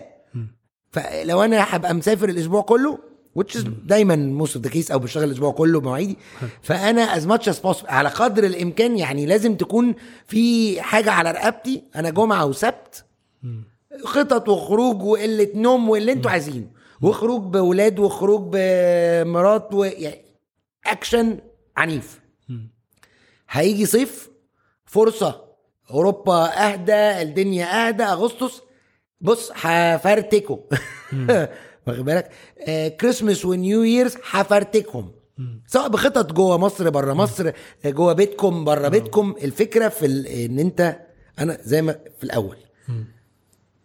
أنا طموحي أنا عايز ربنا يكرمني في شغلي وأبقى ذو منفعة للناس وفي نفس الوقت عايز أكون آه يذكروني أهل بيتي في يوم من الأيام. آه والله يا أبونا كان بيعمل أبونا كان بيسوي آه أبونا كان مشغول جدا. بس والله ده يا كنا نروح نتعشى في الحتة الفلانيه والله وانبسطنا ومش عارف إيه. كان الجمعه نعمل مش عارف إيه. يعني ال- ال quality بتاعت ال memories أهم من حجمها متهيألي ال- المدرسة دي مدرسة حتى أنت ذكرت وليد حسونة وأنصح الناس تتفرج على الحلقة بتاعته. هو كان دي مدرسته. يعني أنا دايما أقول للناس ما فيش حاجة اسمها هتحط ساعة هنا وهتحط ساعة لا، هنا. لا، مش هتشتغل. ولو أنت عندك طموح عالي للأسف في تضحيات هتعملها أو هتضحي بوقتك أو مش هتبقى لا. هتغير المفهوم أو هتغير. المفهوم. فمدرسة وليد حسونه كان في الحلقة بتاعت قال لي بص يا أحمد أنا ممكن ما أقعدش ت- 70% 80% من الوقت معاهم، بس ال 20% و 30% دول شطاره بقى أقعد بقى زي أخليهم quality قوي أخليهم قيمة عالية جدا, جداً. و... فهم ال 20% دول عاليين قوي من الجودة فبتعوض ال 80 ولا 70% ده مش يعني موجود أنا مثلاً. مثلا دي في يعني عمري في أنا مدرسة برجع ال weekend. مثلا بسافر ب- في أوروبا في حتة وبرجع يا دوبك مثلا على جمعة وسبت آه. I make sure أتأكد ان الجمعة والسبت إن شاء الله هيبقوا خطة جهنمية فهم يبقوا متولين الجمعة والسبت. طبعا. as much as possible. طبعا. ده مش معناه ان وده مش معناه إن أي ست ممكن تتفهم ده. طبعا. لأنه مرات تعبت وعيالي تعبوا. يعني مش شرط اللي أنا بقوله ده ومش شرط الوليد ما هو بالظبط الوليد بيقولوا هو نفس الفكرة. انت أنا شاطر في شغلي إن شاء الله هبقى شاطر في بيتنا هو ده اللي أنا عايز أعمله. ما هو ده اللي أنا دايما أقوله يعني قلت له ساعات مثلا واحدة تقول لك أنا عايز أتجوز واحد شاطر. لغاية ما تتجوز واحد شاطر تعرف إن في حاجات بت أو ناجح في شغله مثلا. في حاجات للأسف هي صعبة جدا على ناس كتير مش عايزة تمن، مش عايزة آه ده. لأن ليه تمن؟ النجاح ده ليه تمن ومن. حقها تختار ده. وصح. فأنا لازم دايما أقول إيه لو أنت عايز تمشي في السكة دي لازم تعرف إن في تمن هيدفع وفي تمن للأسرة بتاعتك هيدفع ولازم يكونوا فاهمين متفاهمين عشان نعرف لأن في طبعا حاجات كويسة. عائد. ها؟ بس لازم يكون ما لازم يكون في. عائد. ما هو ما ينفعش يعني أدفع ينفعش غير ما يبقى في البني عائد. ده. ده استثمار. ما ينفعش يبقى أنت البني آدم ده وطالب من الناس دي كلها وما وأنت- تديش عائد وانت ما تديش عائد بالظبط. ما ينفعش كنت بتدخل يعني ما ينفعش تكوني طول النهار مسافر وبتقعد بس ال weekend لا بقى. أنا أقعد على التلفزيون لا أنا PlayStation مع أصحابي. آه وأقعد على القهوة مع أصحابي. أنا أنا أنا أنا تقريبا يعني أنا تقريبا ما لعبتش PlayStation آه. تقريبا في حياتي. يمكن لعبت مثلا سنة في حياتي وأنا عندي 10 سنين. ما هي حاجة لازم تتخلى يقول لك يتريقوا عليا يقولوا لي مثلا إن أنا ما بلعبش طاولة وما بلعبش كوتشينة وبتاع. أنا لا أتذكر. إن أنا قعدت ب- لأن أنا عندي 20% بس بعد الشغل أو فيهم 30% ده لازم اقعدهم مع الأهل ولازم أعوضهم ال هعمل return on جدول. وهعمل حاجة. بس بالظبط. يا أهلي يا شغلي. يا حتى علاقاتي طبعا. لأن لأنه طبعا. طب ما أنا ما أنا هقابل ده وهشوف ده وهشوف دي ما دي علاقاتي برضو اللي, اللي أنا بتعلم منها وبستفيد حلو محمد إيه أكتر آه، آه، يعني مرحلة حسيت فيها إن أنت أخفقت جامد جدا أو فشلت في حاجة جامد جدا وتعاملت مع الفشل إزاي وبقيت تتعامل مع الفشل إزاي دلوقتي. مش قلت لك موضوع اخفقت ده أنت كل يوم بتخفق. مم. الفكرة في النقط. نعم. المشاعر دي بتيجي في نفس في اليوم كله. حلو. بس تجميعة اليوم بقى. مم. في يوم تروح مبسوط وسايق وبتسمع مزيكا لأن أغلب اليوم انتصارات. فيرسس إخفاقات. وفي وقت من الأوقات بترجع لأن يومك كان فيه إخفاقات أكتر من انتصاراتك. بس أنا بمر بالمشاعر دي كل يوم. كل يوم. كل يوم. وعاوز اذكرك تاني. بقول لك أنا من ال من ال من الحاجات اللي في حياتي مأثرة فيها جدا. ال بتاع تشرشل. نفس طويل. تشرشل تاني بيقول لك success is not final. كان عندي راجل كمان لطيف قوي دكتور يقول لك يقول لك you cannot judge a man until he retires. مم. ما تقدرش تحكم على الرا... على البني آدم حتى يتقاعد. لأنه في ناس بتبقى عندها نجاحات مبهرة وبعدين صح. فول فظيع فلا تحسبن لا تأمن غدر الزمان. يعني صحيح. في حاجات كتيرة أفكار كتيرة في هذا الاطار فأنت لازم كل يوم فأنا بقول لا أنا كل يوم بف... كل يوم كل يوم بفشل. وكل يوم بنجح. وكل يوم بحاول نجاحاتي تبقى أكتر من فشل. وكل يوم ببقى فاشل ونايم مكتئب و... وطلعان عيني ومش جايلي نوم فيه بحاول أصحى الصبح أعمل زي الراجل معلمي اللي شفته وقلت له أنت بتفتح عينك إزاي كل يوم؟ وافتكر إن أنا كل يوم لازم أفتح عيني وكل يوم لازم أبحث عن بديل. لأني في أيام كتير جدا في حياتي نمت وأنا متأكد إن مفيش حل. كنت متأكد إن مفيش حل. وصحيت الصبح قمت فتحت عيني ونزلت ومن عنده ربنا ألهمني الحل. طيب إيه معنى النجاح بالنسبة لك في الحياة عامة آه، في الحياة آه ويعني بص أنا زي ما بقول لك كده أنا كل ما أتمناه يعني عيالي دول لما يقابلوا حد في يوم من الأيام يقول له أنت ابن الراجل ده يقول له آه والله كانت ده راجل جميل عمل لنا واحد اتنين تلاتة. آه، أنا بعتقد إن إنه لما لما لما تعمل حاجات تعيش. آه، عيالك بعدك يشوفوها. زملائك يشوفوها. تبقى عارف إن كان في مكان ممكن يقفل والناس تمشي و... وبفضل الله جعلك سبب آه، إنك تتعافى وتتغابى وتخبط راسك في الحيطة وتفضل تعند وتنام وتسحب بمنتهى الألم في صدرك. وربنا يجعلك سبب إنها تكمل وتكبر و... ما هو ده النجاح حلو. أصل أصل أصل مش فاينل صحيح لو أنا قعدتك قدام نفسك وأنت عندك 21 سنة تنصح نفسك بإيه؟ لا ما عنديش نصيحة حكمة. أنا كان نفسي أبقى بلعب رياضة أكتر من كده لأن أنا زعلان جدا إن أنا ما في حياتي ما ما كنتش رياضي. حاولت كتير قوي أبقى رياضي. حلو. و... ومتهيألي إن أنا يعني الرياضة لسه قدامك وقت. ب- بس. مش لاقي وقت بقى. بس لازم. يعني أنا أنا يعني أنا بزعل جدا من موضوع الرياضة ومؤمن جدا آه، بموضوع الرياضة. و... و... ولما تقول لي على challenge مثلا أنا مش عارف أحققه في حياتي الرياضة. نفسي أبقى consistent في الرياضة. مش عارف ابقى consistent في تبتدي الرياضه بالمشي. أنا بعمل إيه؟ باخد ال calls بتاعتي في وقت معين وافضل أمشي إن شاء الله ساعة إلا ربع وأنا بتكلم في التليفون هي ميزة أوروبا إنك بتمشي. آه. أنا يعني بقى ميزة- بروح النادي اقعد اخدها في ال track ألف وعلى التليفون لو أنا عندي مكالمات بالليل يعني أنا أنا أنا بس دي ممكن تبتدي بالمشي. أنا في موضوع الرياضة. آه. ده باجي بيجي لي فترات أكمل في الرياضة. بس حقيقي الرياضة اولا الرياضة بتخليني بني آدم أحسن بكتير mentally ومودك أحلى. mentally ببقى في state أو يعني عقليا ببقى في حالة أقوى بكتير. صحيح. آه، بس يعني بس أنا كان عارف لو لعبتها من بدري وخليتها دي ان إيه وخليتها hard coded يعني أصبحت عنصر أساسي في حياتي كان ساعتها. فلو أنت بتقول لي من زمان كان نفسي قوي قوي قوي موضوع الرياضة ده. قوي آه لو أنت يعني ربنا يديك طول العمر بس لو تخيلت نفسك في آخر عمرك تحب الناس تفتكرك بإيه أو تقول عنك إيه؟ آه، والله ده ساعدنا والله لما رحنا له ادانا معلومة فادتنا. آه، والله ده يوم ما جينا طلبنا منه يقول لنا نعمل دي إزاي قال لنا دي نعمل إزاي. إيه علما ينتفع به. آه. هو ده ولد ال- صالح. يدعو له. حلو. آه إيه أكتر نصيحة في الدنيا حد قالها لك فرقت معاك؟ لا ده النصايح ده أنا بص ده أنا معبي نصايح. دلنا واحدة يعني واحدة. بص آه، واحد قال لي إن لم تزد على الدنيا شيء فأنت زائد عليها. يعني هو أستاذ ومعلم كبير. مم. يعني لو ما بت... إن لم تزد على الدنيا شيء مم. فأنت زائد عليها. لو أنت ما وهذا حاجة الرجل كان أنت هذا الرجل يزيد على على الدنيا الدنيا. كل شيء آه. كل يوم نعم فأنا فأنا مؤمن بهذا المبدأ إنك تزيد على الدنيا شيء فأنت زائد عليه لو مش بتضيف حاجة كل يوم فأنت اللي عالة. على الدنيا سؤال دايما بحب أختم بيه الحلقة لو عندك كتاب أو اتنين في البيزنس أو تطوير الذات تحب تنصحنا بيهم؟ بص أنا كان عندي مشكلة كبيرة جدا في موضوع الكتب ده لأن أنا بحس إن هو كيف تغسل رجلك قبل الأكل وبعد الأكل. يعني دايما بتجنني الكتب دي. بس في ثلاث كتب أنا قريتهم في حياتي. آه، آه، ادوني different perspective about life. حلو. أنا في كتاب اسمه How to Lead بتاع راجل اسمه جو اوين الكتاب ده قريته ثلاث مرات. How to Lead How to Lead بتاع جو اوين ده مش كتاب بيحكي لك ده key message وواحدة من أهم الحاجات اللي شفتها فيه. فكرة إن هو بيحكي لك على إن ال leadership دي ملهاش دعوة بال hierarchy. أنت leader من وأنت صغير وأنت كبير وأنت middle أنت إزاي بتتحرك حوالين الناس اللي حواليك؟ فمش بيكتب لك case studies كيف كان ال CEO بتاع جونسون اند جونسون يحكمها.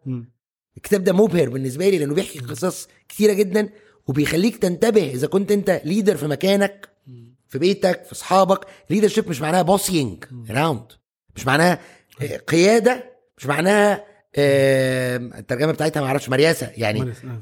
يعني عارف عارف بلاش بقى إمارة فارغة أيوة. يعني فاهم دي فرق كبير جدا في فال leadership ده حاجة أنت بيقول لك من وأنت من وأنت صغير أنت right and left up and down. فده ده الكتاب ده. في كتاب شبيه للقصة دي يعني روبن شارما اسمه Lead Without Title أو Leading without title I guess it's the same. أنا بحب روبن شارما. آه. بس أنا كنت أقول لك بقى على روبن شارما. آه. The Monk Who Sold The Ferrari monk طبعا ده الكلاسيك بتاعه. The Monk Who Sold His Ferrari روبن شارما. كتاب آه، بس. ما تاخدوش ل extreme وخد منه طبعا. ما يفيد. آه. لأنه ما أنا برضو الكتب ليها لا يعني هو بتاع business برضه يعني هو بس بتاع يعني خد. منه ما يفيد ما يفيد صحيح. بحب جدا The Alchemist ده Alchemist جميل. لأنه ده ناس كتيرة ال Alchemist كمان برغم commercial جدا وأي حد آه. هيسمعني هيحس إنه كتاب commercial آه. بس أنا بعتقد إنه في جانب روحاني بيسمع في في, في طبعا أديان طبعا. طبعا فعاجبني. طبعا. وطبعا Art of Happiness لطيف جدا يعني آه The أنت Art of Happiness جميل. آه، محمد أنا حابب أشكرك لل آه، يعني ال interview الجميل ده والقعدة دي. أنا دي كلها. لا لا لا أنا تشرفت بوجودك معايا وتعلمت كتير والله العظيم. العفو. وسعدت بوجودك يعني. ويا رب ما كناش ضيوف تقال عليك. يا راجل أنا اللي خايف أكون ضيف آه، دوشة عليكم لا كلكم. لا أنا يعني أكيد الناس استفادت وأنا شخصيا استفدت كتير ويعني. أتمنى لك كل التوفيق. أنا بتمنى لك شاء الله يكون. لنا أعداد تانية إن شاء الله في المستقبل. أكيد. إن شاء الله. ميرسي. ربنا يقدرك وتفضل تزيد على الدنيا شيئا. آمين يا رب. ولو انت أو انت لسه بتسمعونا لغاية دلوقتي ما تنساش تعملوا share للحلقة وفعل جرس ال notification واعمل subscribe واكتب لنا في ال comments لو عندك سؤال ليا أو لمحمد ونشوفكم في حلقة جديدة من business بالعربي بودكاست وما تنساش انت CEO حياتك. سلام عليكم.